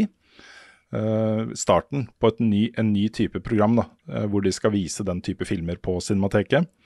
Så, så hadde det ikke vært for at vi er opptatt med andre ting, så hadde jeg nok gått på dette også. Så vil jeg oppfordre folk da, som går på den, til å også stikke innom streamen vår eh, og donere litt penger til Redd Barna og TV-aksjonen. Mm. Eh, så da får du en flott fredag, vet du. Både med masse feel good-greier på kino, og en, en um, viktig og eh, forhåpentligvis eh, severdig stream hos oss eh, før eller etter. Hvis du, bare, hvis du bare sniker inn litt donasjoner til streamen underveis mens du ser på filmen, så får du til begge deler. Ikke sant? sant? Ja. Jeg kan lese litt av eh, beskrivelsen som er lagt ut om eh, filmen her også. Ja, Gjør det. Sammen med sine beste, sammen med sine beste venner, deriblant Karsten, Donkey Kong og Bach, eh, Bach-entusiast og skjeggete dyst, dikter og Puzzle Bobble-fan, installerer Kim seg i en privat arkadeklubb og suser inn i det pikselerte universet han elsker. Kim Kanonarm arm og reisen mot verdensrekorden er en empatisk og underholdende dokumentar der regissør Mats Hedegaard reflekterer over spill, annerledeshet og verdien av fellesskap. Den her eh, må i hvert fall ses. Den må i hvert fall ses. Vi nevnte jo tidligere at Dave David the Diver har fått nytt innhold i form av en patch, også bare en gratis patch. Eh, men et annet stort uh, indiespill fra i år har også fått nytt innhold, nemlig Dredge, som har fått bare en eh, vasekte uh, delelse med et nytt eventyr som venter da med eh, fiskebåten din i det spillet. Det er en betalt delelse, rett og slett en eh, god gammeldags utvidelse, hvor det åpner seg opp et nytt oppdrag som du kan løse da. Så um, Det, det skal jeg også få testa. Apropos det, kan jeg ta en liten sånn sidenyhet? Absolutt. Den, den, er ikke, den er ikke helt ny, men jeg har glemt å snakke om det innser jeg nå. Oi! Ok. Det har jo også kommet den siste gratis DLC-en til Sonic Frontiers. Ja, stemmer! Ja, jeg har vært så eh, spent på å høre mer om hva du syns. For at jeg fikk et par snapper, og da var jeg litt opptatt med noe annet. så Jeg rakk ikke å stille oppfølgingsspørsmål. Det du først syntes var vanskelig, og så syntes det var gøy, og så syntes det var vanskelig igjen. Det stemmer. Fordi det, altså, dette er en ganske svær delelse, nesten sånn overraskende at den er gratis. Eh, men du får da tre nye spillbare characters. Du spiller ikke bare som Sonic lenger, du spiller som Amy, Tales og Knuckles. Uh, I ganske svære områder, liksom. Så jeg er imponert over hvor svært det er. Men så spiller du litt, og så kommer du tilbake til Sonic. Og så blir det 'Getting Over It with Bennett Foddy'. Oi! Det er så grelljævlig vanskelig. At, og, og så, Sonic har aldri vært så vanskelig. Wow. Nei! Det er sånn, Jeg satt og tenkte på de streamene som du gjorde av Celeste, Frida. Ja. Det var sånn jeg tenkte når jeg satt og spilte nei! Ah, Oi. Det var, bra. jeg, jeg har aldri vært så sint på et Sonic-spill. Og jeg har samtidig veldig lyst til å se Frida gjøre det på stream en gang. Fordi, fordi du er bedre enn meg i akkurat det. Hvis, altså, er det, Hvilken type Er det plattforming vanskelig, liksom? Ja. Men er det det er- sånn Det er 100% plattforming. Nice. Er det plattforming som er vanskelig fordi at det er knotete, eller fordi det er sånn pixel perfect-greie? Ja. Yes. Yes. Ja, nei, jeg skjønner hva du mener. Jeg, jeg er klar, jeg, for stream. Ja, nice. Ja, fordi jeg, jeg tror du hadde fått det til bedre enn meg. eh, og jeg tror også det hadde vært en veldig bra stream. Jeg, jeg håper ikke det er liksom time på time med Nei, altså, jeg tror hele DLC-en, hvis du er god, tar sånn fire timer kanskje å spille gjennom. Okay. Men uh, jeg, jeg var ikke så god at jeg klarte det på fire timer. Nei. Nei. Det er, det er, men jeg, kan, jeg kan sette på, på lista over gode streamideer. Jeg tror eh, Men da, da må jeg ha med, deg, ha med meg deg, altså. Ja, ja, jeg er med. I Og så må vi finne ut hva vi gjør med Sonic 06. Den er, jeg har ikke glemt den, for dere som lurer på det. Jeg har ikke Mm. glemt den. Den skal jeg også være med på. Me too. Det kan være du må spille nemlig. Så det Ja, men det er greit. Ja. Jeg har en uh, liten hyggelig DLC-nyhet eh, til, jeg, faktisk. Oi, oi. Det er bekrefta. Det kommer DLC til Lies of P. Ja, det gjør det. Mm. Vi, uh, jeg vet ikke, Det kommer noe hint om mer i spillet, hvis du har runda det. Um, jeg vet ikke om det er DLC. Jeg tror ikke det. Jeg tror det er mer sånn oppfølgermat, kanskje. Mm. Ja. Men um, det er også bekrefta at de jobber med, har starta å jobbe med en DLC til ICP. Kult. Det er bare, bare gøy, det. Det går jo også da et rykte Dette er sånn derre Noen ganger så treffer han, og noen ganger så treffer han ikke. Så jeg vet ikke hvor mye hold det er i det, men det er jo en eh, som har lekka ting som har vist seg å stemme før, som eh, påstår at eh, det kommer en trailer for eh, Shadow of the Earth Tree, altså delsendt til Elden Ring, på eh, Game Awards, og at lansering er 5. februar. Dagen etter PC-versjonen av Horizon Forbidden West. Er det faktisk da? Eller et er, er, Ja, ja, ja, det er ja, faktisk jeg trodde du sa det på tull! Nei, nei, nei. Ja, stakkars Horizon. Ja. Ja, nei, det var jo Ja. Åh. Vi får se om det stemmer. Jeg er kjempespent, altså. Altså, det jeg hadde ikke gjort noe, tenker jeg, at det kommer neste år. Nei, men jeg, jeg, tror, har blitt nå. jeg tror nok ikke at det kommer noe før jul. Men å, å, å ha et rykte på at det kommer en trailer på Game Awards med Jeff Keeley, Mm. Ja. det er jo ganske safe bet. Det, Ja, når han har vært der en uke, liksom, på besøk eh, hos kontorene deres, Mm. så er det det lukter et eller annet. kunne, kunne nesten mer- det der penger på at det kommer noe på Game Awards, ja. Ja. Ja. Men jeg datoen er jeg litt mer eh, usikker på. Jeg tror kanskje det er en meme-dato. Eller så er det den datoen, og så syns jeg synd på Horizon igjen. Ja. Åh, Og så avslutter jeg med en veldig kul nyhet. Dette her er noe som jeg kan komme til å glede meg til. Jeg kunne ha passa inn i Oboy Oboy-spalten også. Uh, CG Project Red har bekrefta at de jobber med en TV-serie, live action TV-serie, satt til Cyberpunk 2077-universet. Oi. Det vil være en ny historie i samme univers, eh, ikke basert på, på spillet eller eh, anime, animasjonsserien. Animasjonsserien, eh, vi, vi snakka om det i forrige uke også. Eh, men serien skal produseres i samarbeid med Anonymous Content, og det er jo de som står bak eh, True Detective og Mr. Robot f.eks. Altså et okay. kvalitetsproduksjonsselskap som har vist at de har lagd bra ting før. Så, så dette her kan bli eh, dritbra, altså. Har dere sett ferdig Mr. Robot nå? Ja. Ja, den serien er bra hele veien, altså. Ja, den er amazing. Mm. Det, er, eh, det er kanskje sånn der topp ti all time eh, for meg nå. Ja, samme her. Det er uh, utrolig bra serie, altså. Oh boy, oh boy! Nå har vi kommet til kosehjørnet i podkasten, der vi skal snakke om ting vi virkelig ser fram til og gleder oss til i et kort format. Eh, og først har jeg lyst til å gi ordet til Carl. Yes. Nei, dette her kommer litt av at jeg så en eh, liten snutt på, på internett i stad. Uh, en liten sånn reklamesnutt for uh, Super Mario Wonder. Eller Super Mario Bros Wonder er vel det fulle, fulle navnet. Ja. Og, Super Mario Else, det. og det var en sånn her hvit bakgrunnsskjerm med Bowser og Peach, som blir til Elefant Peach. Og den, den var faktisk morsom. Sånn, jeg lo faktisk av, av den, lille, den lille tingen. Eh, og det fikk meg til å innse at jeg gleder meg faktisk ganske mye til Super Mario Wonder. ja, for det kom veldig snart, gjør det ikke det? Ja, det er, er, ikke bare en, er det ikke bare en uke til? Ja. Ja. 20. 20. oktober. 20. oktober. Så jeg begynner faktisk å glede meg veldig til å spille det. Og jeg har lyst til å prøve å få til at uh, vi samles en liten gjeng og spiller fire player. I hvert fall uh, en kveld. Så uh, det hadde vært kjempegøy. Det var veldig fint. Jeg synes jeg var på en måte eh, For deg som, er- dere som hører på, bare for å illustrere hva jeg ser eh, Webkamera over Discord, av og til så får du litt sånn delay eller sånne ting. Og der, der nikka Svendsen så fort at det ble en sånn blur. Han bare liksom ble bare sånn blurry ting. Ja, dette her kommer ikke fram på podcasten, men Svendsen beveger seg faktisk så fort at han ofte ikke er uh, i fokus. Ja. Ah. Mm. Magic. Er det, Jeg, ja, fortsett.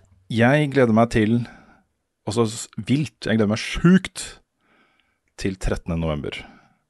13. november. Lanseringa av eh, Kontroll Z-serien vår. Ja! Mm. Da er vi ferdige, folkens. Da er uh, serien produsert. Og vi kan eh, senke skuldrene og gå inn i uh, november og desember med litt lavere tempo. Det gleder jeg meg vilt til nå. Altså. Hvis jeg skal være ærlig, så er det det jeg gleder meg mest til. Ja. Da blir det jul i år òg.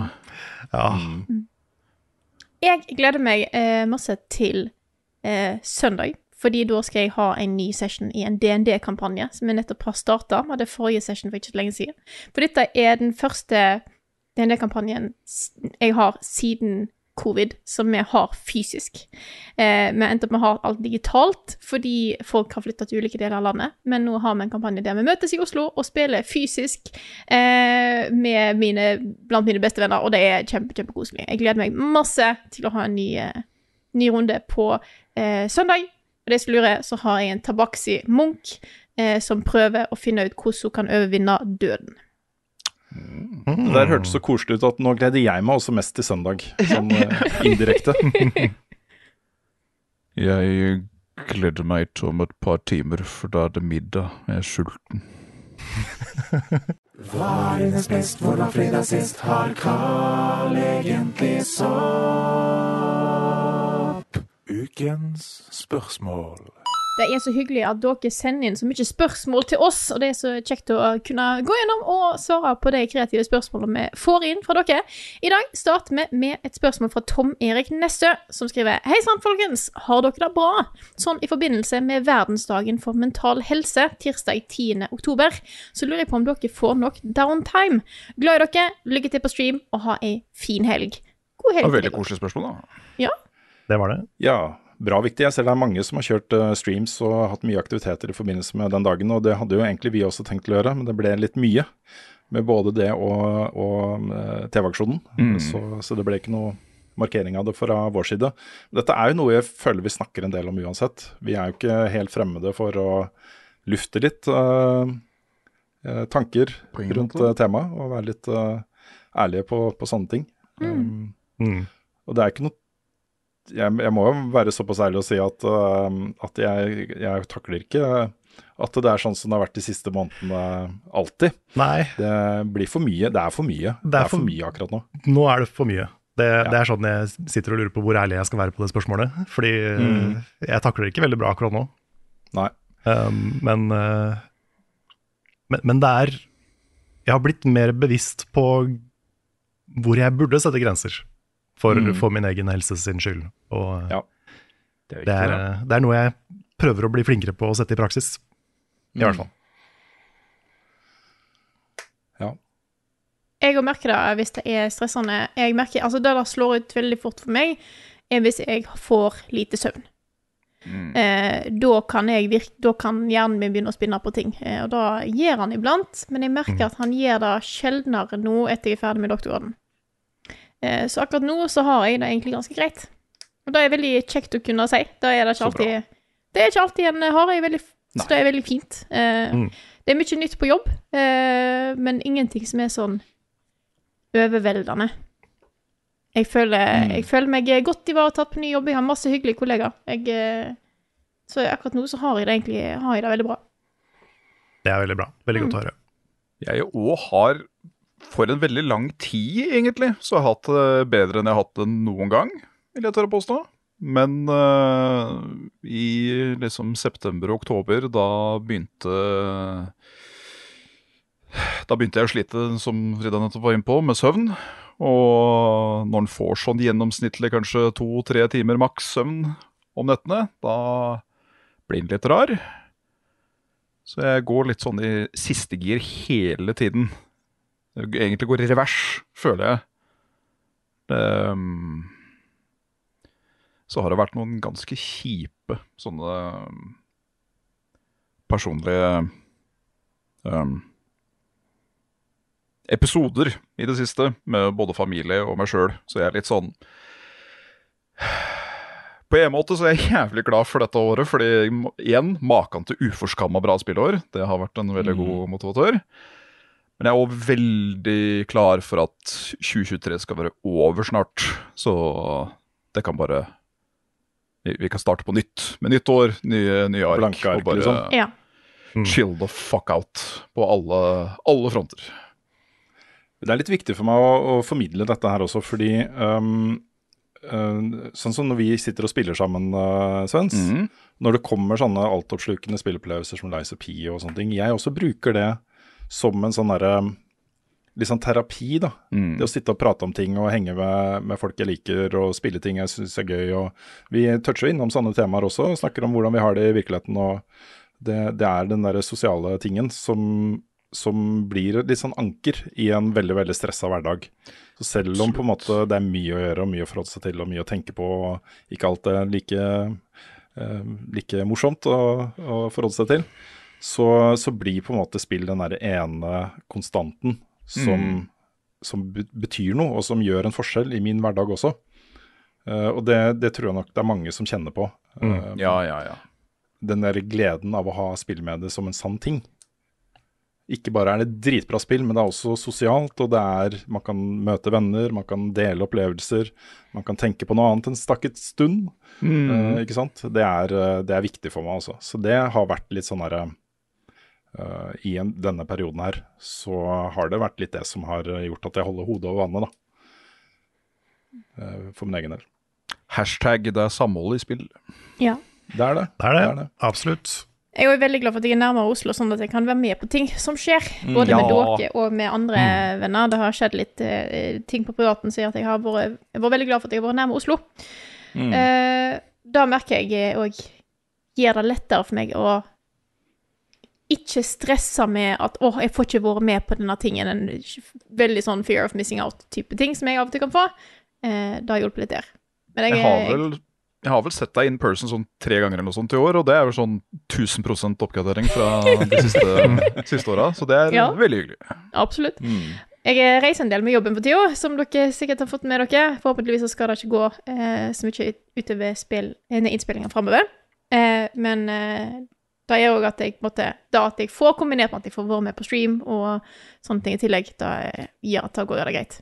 Men jeg gleder meg litt til å ikke reise så mye eh, når denne på en måte bolken her er ferdig. For at jeg er veldig Jeg er hjemmekjær. Jeg liker å være hjemme og slappe av med katter og peis og spill og sånt. Så Mm.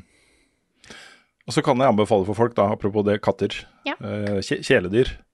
Det er så mye bra terapi i det, altså. Eh, det er eh, Ja.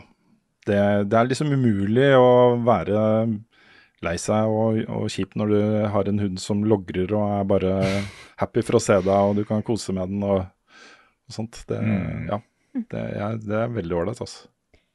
det er bra at en kan være åpen om, eh, om Jeg tenker på noen av våre fokus på da, på denne verdensdagen for mental helse. At en er åpen om at eh, av og til kan ting være kjipt og sånt.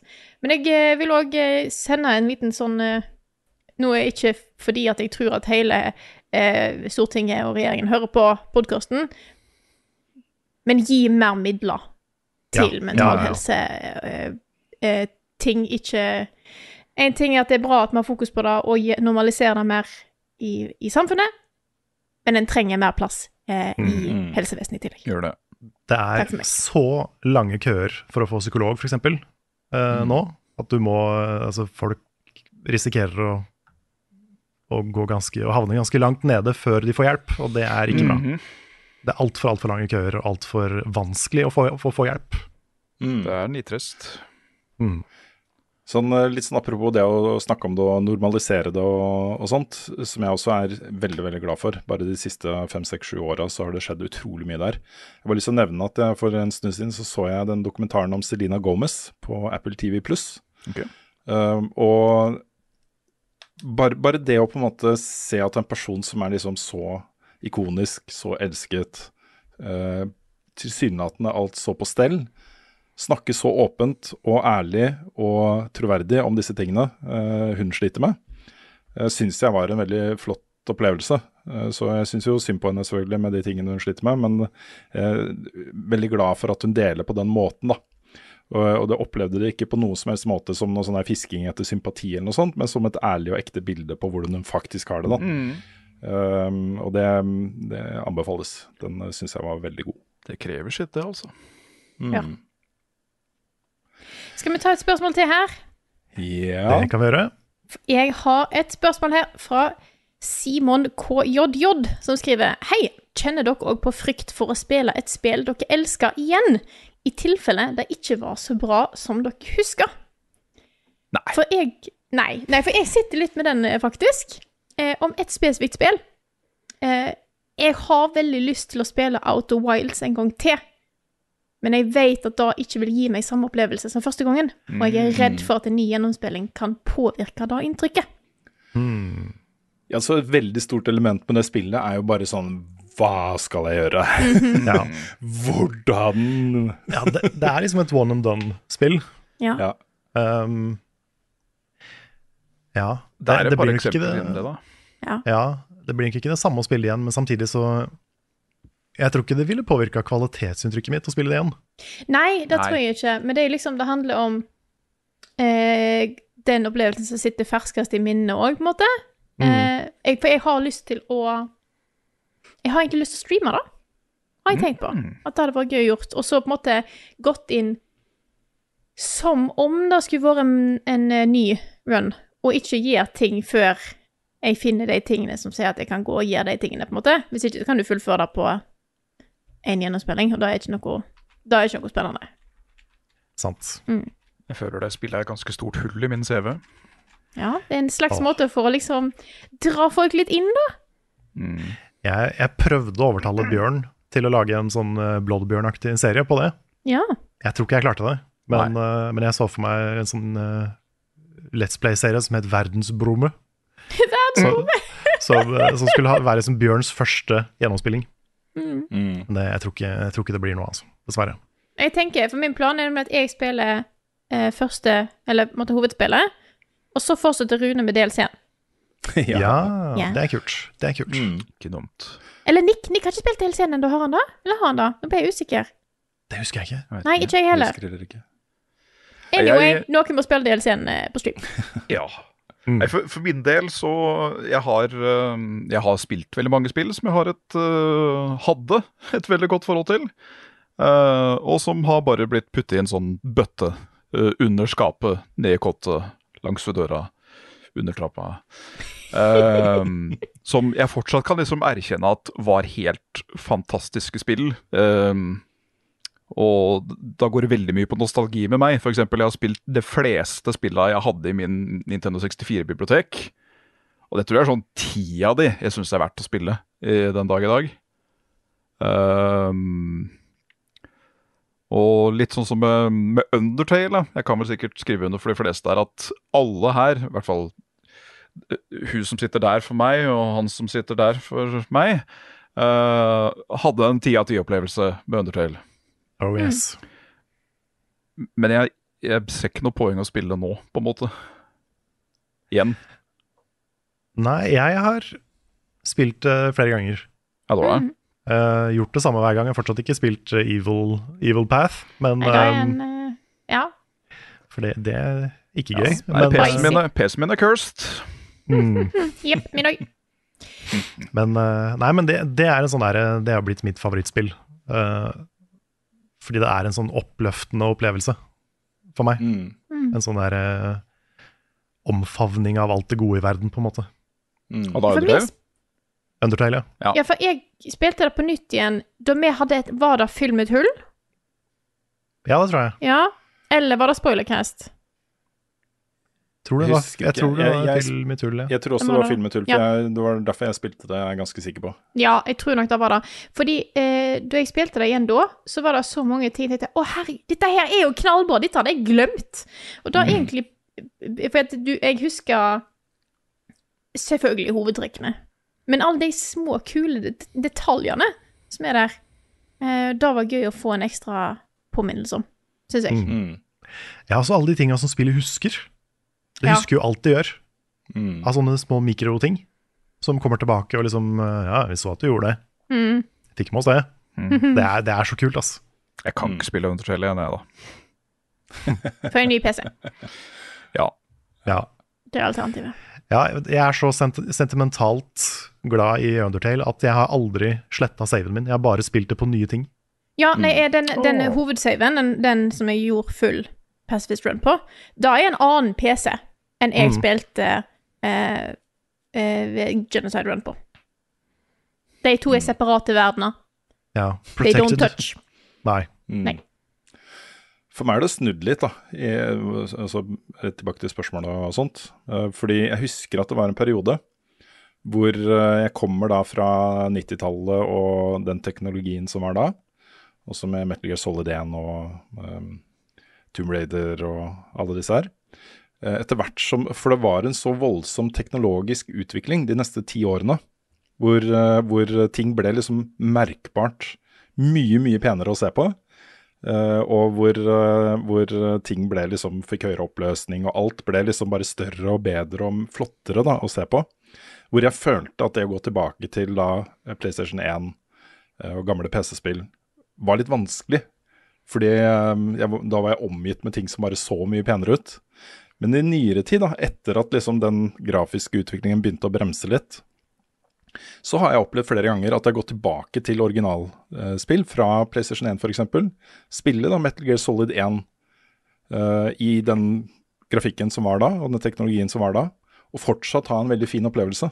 Det samme med ICO og uh, gamle skytespill f.eks. Um, eh, Doom 1 og 2.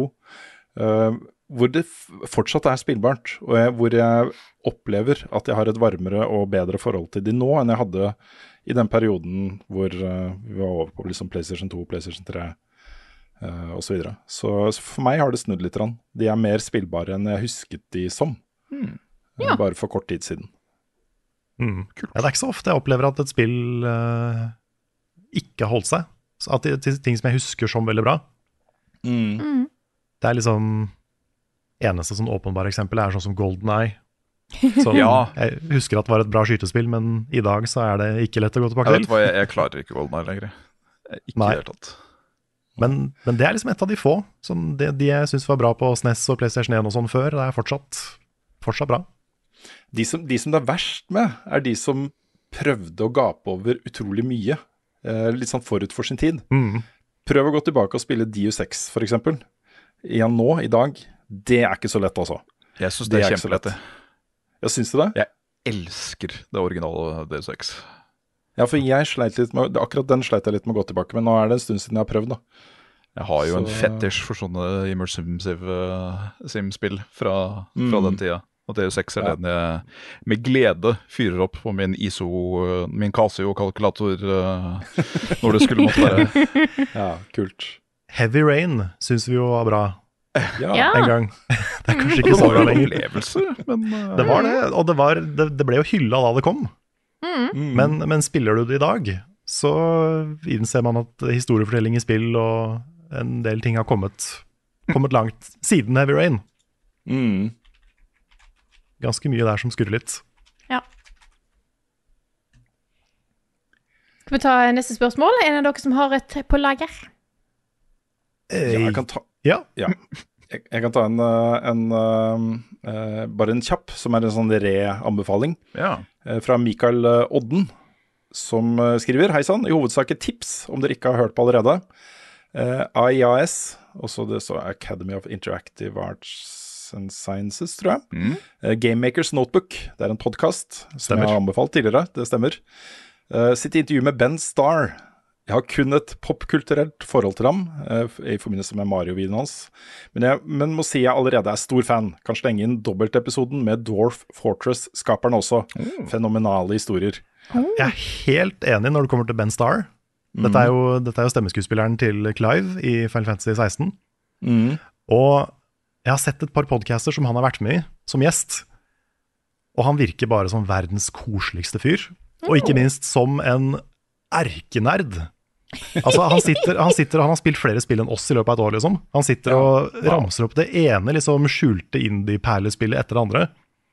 Og bare er så liksom artikulert og god på å fortelle om hvorfor disse spillene er bra, hva han setter pris på med spillmediet. Og han er bare en sånn herlig nerd. Mm, Jeg har så godt inntrykk av, av Ben Starr. Deilig.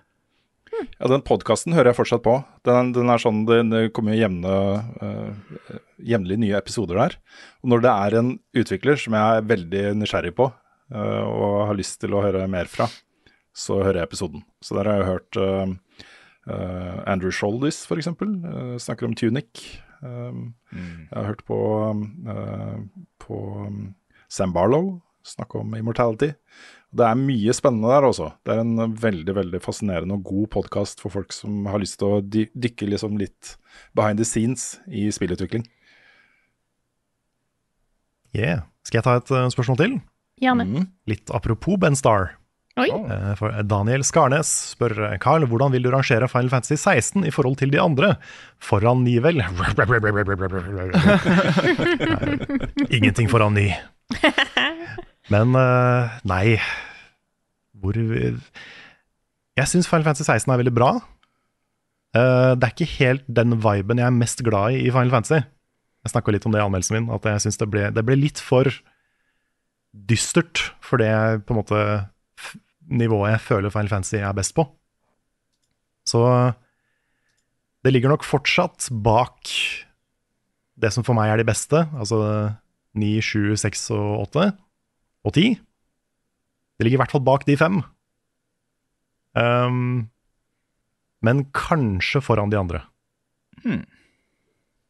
Så på sjetteplass, da, egentlig. Nå, nå har jeg ikke spilt det. Uh, jeg har bare sett en vilkårlig bossfight fra Ja. spillet. Vet du hva? Jeg, uh, jeg har ikke noe sånn form for epilepsi eller noe sånt. Men de spilleffektsa i det spillet der, de må ta seg to Tre boller, faktisk. Jeg tror, altså, når Final Fantasy 16 går all in, så er det enda mer spektakulært enn Bajonetta. Ja, altså, Oh jeg, jeg så ikke noe. Nei, det, Bossen var svær. ja. Nei det, det tar helt fuckings av i, i det spillet noen ganger. Ja, det tok litt for mye av for meg, Ja. kjente jeg. For det, det Mm. var liksom det var, det var kul musikk, og så var det noen voice lines, og så var det particle effects. Det var det jeg fikk ut av den, uh, den fighten. Mm. Så det var pent. Det var bare sånn Hva, hva, hva er det som skjer? Ja, jeg tror når vi kommer til Level Up Awards i, eh, i år, så vil jeg i hvert fall ha nominert Bahamut til årets bossfight. Han må ikke vinne, men han skal være på nominasjonslista. Altså. Ja. Skal vi ta et uh, spørsmål? Har du et, uh, Svendsen? Hvis ikke så har jeg et, et liggende. Kjør på, du. Da tar jeg et. Dette er nemlig til meg. Det er fra Sigge som spør. Spørsmål til Frida. Har du fortsatt den lekre aluminiumsnessen du vant i duellen 2015, og har det blitt noe spilling på den i senere tid? Jeg har den fortsatt, så selvfølgelig har jeg den. Jeg kan ikke kvitte meg med den.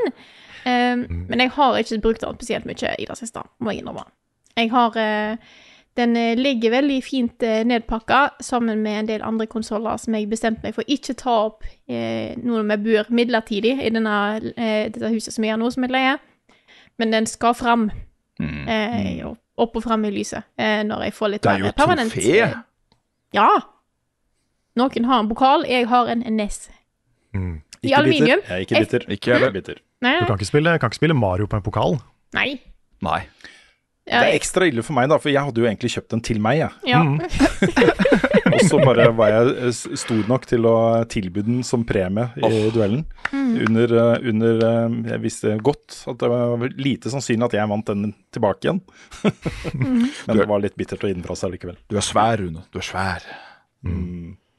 Jeg syns det er passende at han er i aluminium. også Ja, jeg synes bare det er passende at han er i aluminium, siden jeg nå jobber med aluminium. Takk for meg. Ja, det er Ja, det er sant. Du kan jo nesten lage en til.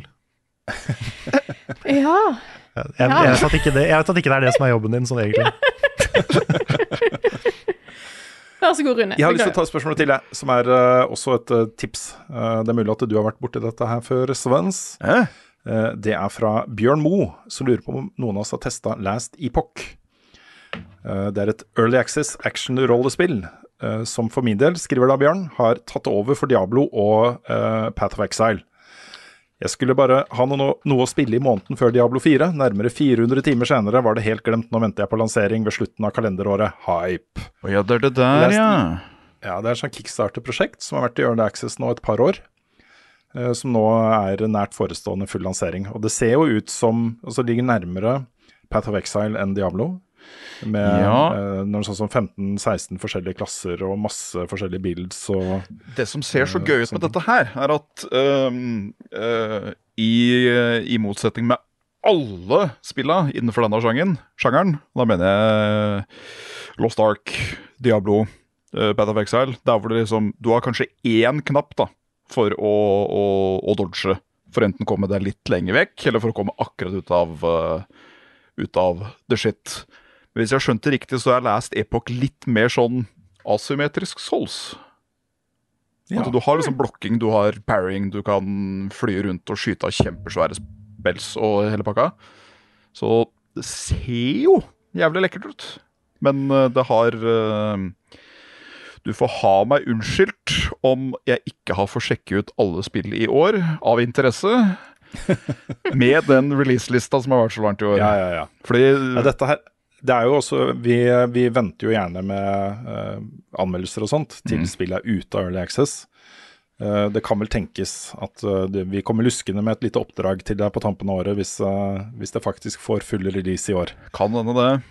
Det kan, jeg, det kan jeg komme med en liten, uh, liten minitease òg. At jeg har jo aldri vært med på det der topp ti-greiene våre før. Før i år. Oi, oi. I år skal jeg ha min topp ti-liste. Den gleder jeg meg til Så å se. Gøy. For du har spilt mange spill i år. Men hvorfor jeg ikke Ja, nei, nettopp det. Jeg har ikke hatt en topp ti-liste, for jeg har ikke spilt ti nye spill i løpet av et år før. Før nå. Nei. Men nå, Ikke sant? nå husker jeg ikke halvparten av spillet jeg spilte i år. Så nå må vi, nå må vi lage liste.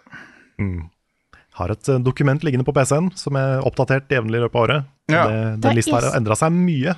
Det er så smart å gjøre det på den måten.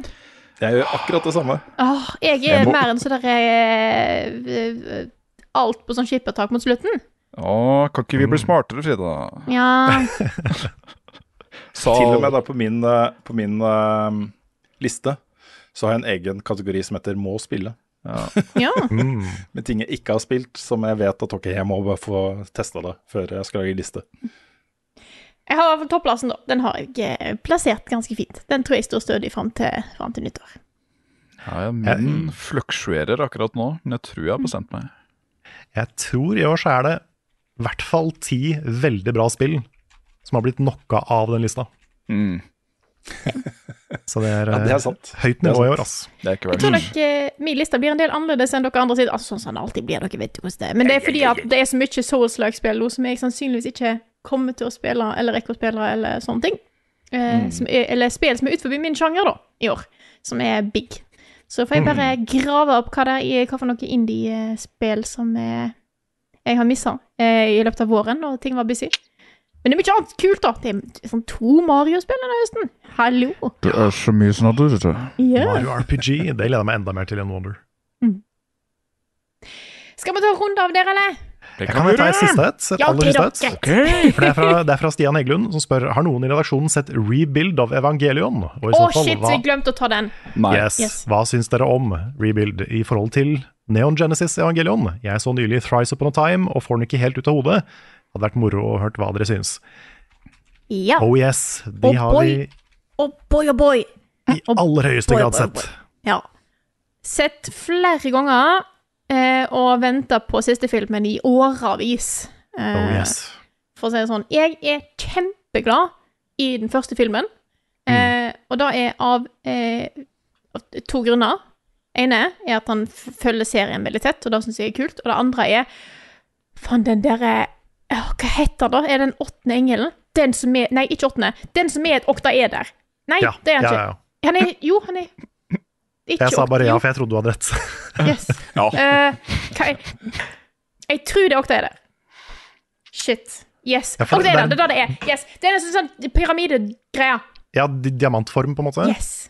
Yes. Ja, den som er blå. Den er så jæklig kul. Å, Den er veldig kul. Den, Den er den, er, bare den er noe helt annet i rebuild enn den er i originalserien. Ja. Jeg syns også film nummer to er kjempebra. Spesielt uh, selv om den begynte, å, den begynte å gjøre ting litt annerledes enn en serien gjorde. Men slutten på film nummer to liker jeg kjempegodt. For Hele en som bare har sett den sterk. originale serien, hvor går jeg videre? Uh, du begynner på én. Yes. Ja. Jeg, jeg tar filmene. Ja, for du har, sett, du har sett hele serien og End of Evangelion, eller? Eh, Det siste jeg så av Evangelion, var det som jeg, jeg vil sette på som det mest confusing piece of uh, anime media ever. Ah, da mangler du en film. Ja, da har du ikke sett filmen. Okay. Da må du se Hvis- hvis End of Evangelion, som ligger på Ellers er den også ganske confusing. Altså kan, Ja, men den er ikke så confusing som Nei, for det kan ikke være serien. like ille som slutten på serien. Nei, det tror, jeg, det tror jeg ikke det er. Ikke snakk om slutten på serien. Nei da, skal ikke si Nei. noe. Nei, bra, bra, bra. Men uh... Den er, den er på en måte famously uh, Ja, artistic. Eh, mm. Så det var bare da jeg eh, Ja. Jeg anbefaler å begynne da eh, se End of Evangelion. Og så kan du godt begynne bare på Rebuild film 1, som tar for seg relativt det samme. Og så, så tar de seg en tur. ja. Og litt til sides og litt til månen og litt sånt. jeg er fortsatt ikke sikker på hva jeg syns om de to siste filmene. Nei. De er For de er jo en helt annen serie enn det Evangelion er. Okay. Um, det er ting i de som jeg liker veldig godt. Det var masse med den nyeste filmen, den siste, som jeg likte veldig godt. Men uh, sånn helhetlig Jeg tror jeg syns originalrun og End of Evangelion er Det er det som er Evangelion for meg. Enig. Og det er, litt fordi Evangelion.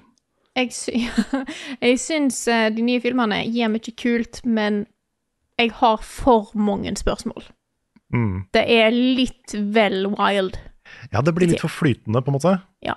Litt for mye som skjer på litt for kort tid. Litt Ja. for lite håndfast.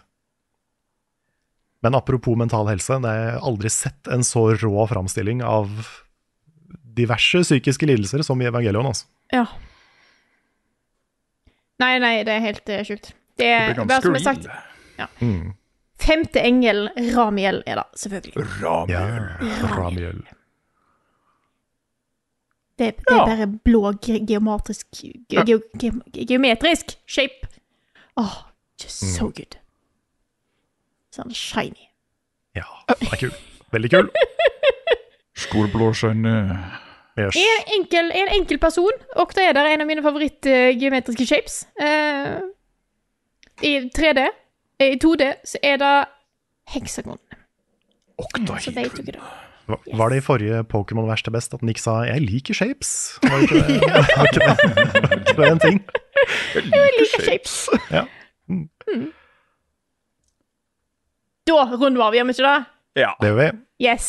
Eh, husk å følge med i morgen. Eh, ja, for din, ok, Hva dag kommer denne podkasten, Rune? Nei, Jeg legger den ut på torsdag. Med en gang den er ferdig, rendra og f klar, så dyttes den ut. Super ski. I morgen, for både oss og dere, eh, fredag 13. oktober, kjører vi live på twitch.tv slash levelupnord i samarbeid med TV-aksjonen og Redd Barna for den store gamingaksjonen. Vi starter klokka tolv, altså eh, rundt lunsj. Eh, for at tolv er et sånt rart tidspunkt. Og vi holder på Ja, det er til- kjemperart. ja, Tolv eh, fredag til tolv lunsj eh, på lørdag. 24 timer med bra innhold. Eh, vi har gjester, det blir spill, det blir demoer, det blir eh, overtrøtt kaos på natta, forhåpentligvis, sannsynligvis. Eh, det blir det kos. Bli med og støtt en god sak, og hjelp mange av disse barna rundt omkring i verden som sitter i krigsutsatte områder eh, og ikke har det så bra som vi har det her i Norge. Noen som vil tilføye noe? Uh, nei, jeg bare En oppfordring om å komme innom. Uansett om du har tenkt å se på streamen eller ikke, kom innom. Uh, støtt saken. Det er, dette går rett inn i TV-aksjonen. Alle, alle pengene som samles inn her, blir plussa på det beløpet som, eh, som eh, alltid kommer ut i mediene. I år samlet vi inn så og så mye penger. Så hvis du har tenkt til å gi til eh, TV-aksjonen i år, så kan du gjerne gjøre det her. Mm. Det, det hadde vært gøy å vise hele Norge hvor, hvor mye vi gamere også bryr, bryr oss Mm. om dette temaet Absolutt. Det er jo en extension av TV-aksjonen, en slags prelude, er det ikke det? Yes. Absolutt. Yeah. Alle pengene går til det samme stedet. Tenk da, hvis vi bare Se for dere, vi får alle seerne som egentlig ville sett på og, og støtta på TV-aksjonen, til å støtte hos oss. Wow. Mm. Ja, det hadde vært noe. Tenk å fått inn mer penger enn det TV-aksjonen faktisk gjør. Så, og, og så går vi inn på NRK og så ser vi at de liksom sitter der og svetter. Liksom, shit, gamerne har slått oss i år, liksom. Jeg tuller litt her, da, men uh, det hadde jo vært helt insane. Uh, Mm. Som sagt, alle pengene går til Redd Barna og barn som har, eh, har det vanskelig rundt omkring i verden. Bli med på twitch.tv slash levelupnord. Dette her er podkasten Level Backup, utgitt av moderne media. Låten i introen og outroen er skrevet av Ole Sønnik Larsen og arrangert og framført av Kyoshu Orkestra, og vignettene er lagd av Martin Herfjord. Her fantastisk. Eh, innholdet vårt da finner du på youtube.com slash levelupnord og twitch.tv slash levelupnord. Gå gjerne inn der og følg oss, så får du beskjed når vi går live. Eh, bli òg med i communityet vårt på discord.gg slash levelupnorge. Og støtt oss gjerne på patreon.com slash levelupnorge hvis du har lyst til å hjelpe oss med å fortsette å lage innhold om spill på journalistisk vis, som vi elsker å gjøre. Tusen takk til alle dere som gjør det, og som har gjort det eh, opp gjennom åra. Uten dere hadde vi ikke vært her, så tusen takk. Tusen hjertelig. Tusen takk. Og med det så sier jeg takk. Jeg må si en ting til. Ja, greit, da. En oppfordring til alle som hører på. Mm. Eh, hvis dere går ut på liksom, deres sosiale medier og bare deler, forteller om denne TV-aksjonen, Ja. eh, og, og blir med på å liksom, fortelle folk at den skal arrangeres og at den eksisterer og, og sånt, så, så hadde det hjulpet oss masse. Så hvis du er en sånn som har en sosiale medier, eh, et eller annet sted, hadde satt veldig pris på hvis, eh, hvis eh, folk uh, hjalp oss med å dele det gode ordet. Let's make history. Mm. Yeah. Kan jeg runde av nå? Ja, nå kan du runde av. Ah, herlig. Med da så sier jeg tusen takk for denne uka her. Så snakkes vi på stream i morgen, og så snakkes vi igjen neste uke.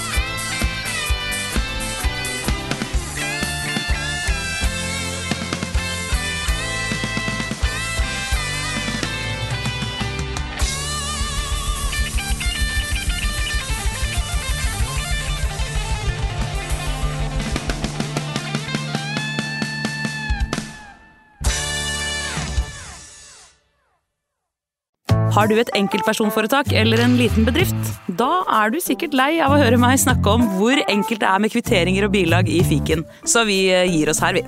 Fordi vi liker enkelt. Fiken superenkelt regnskap.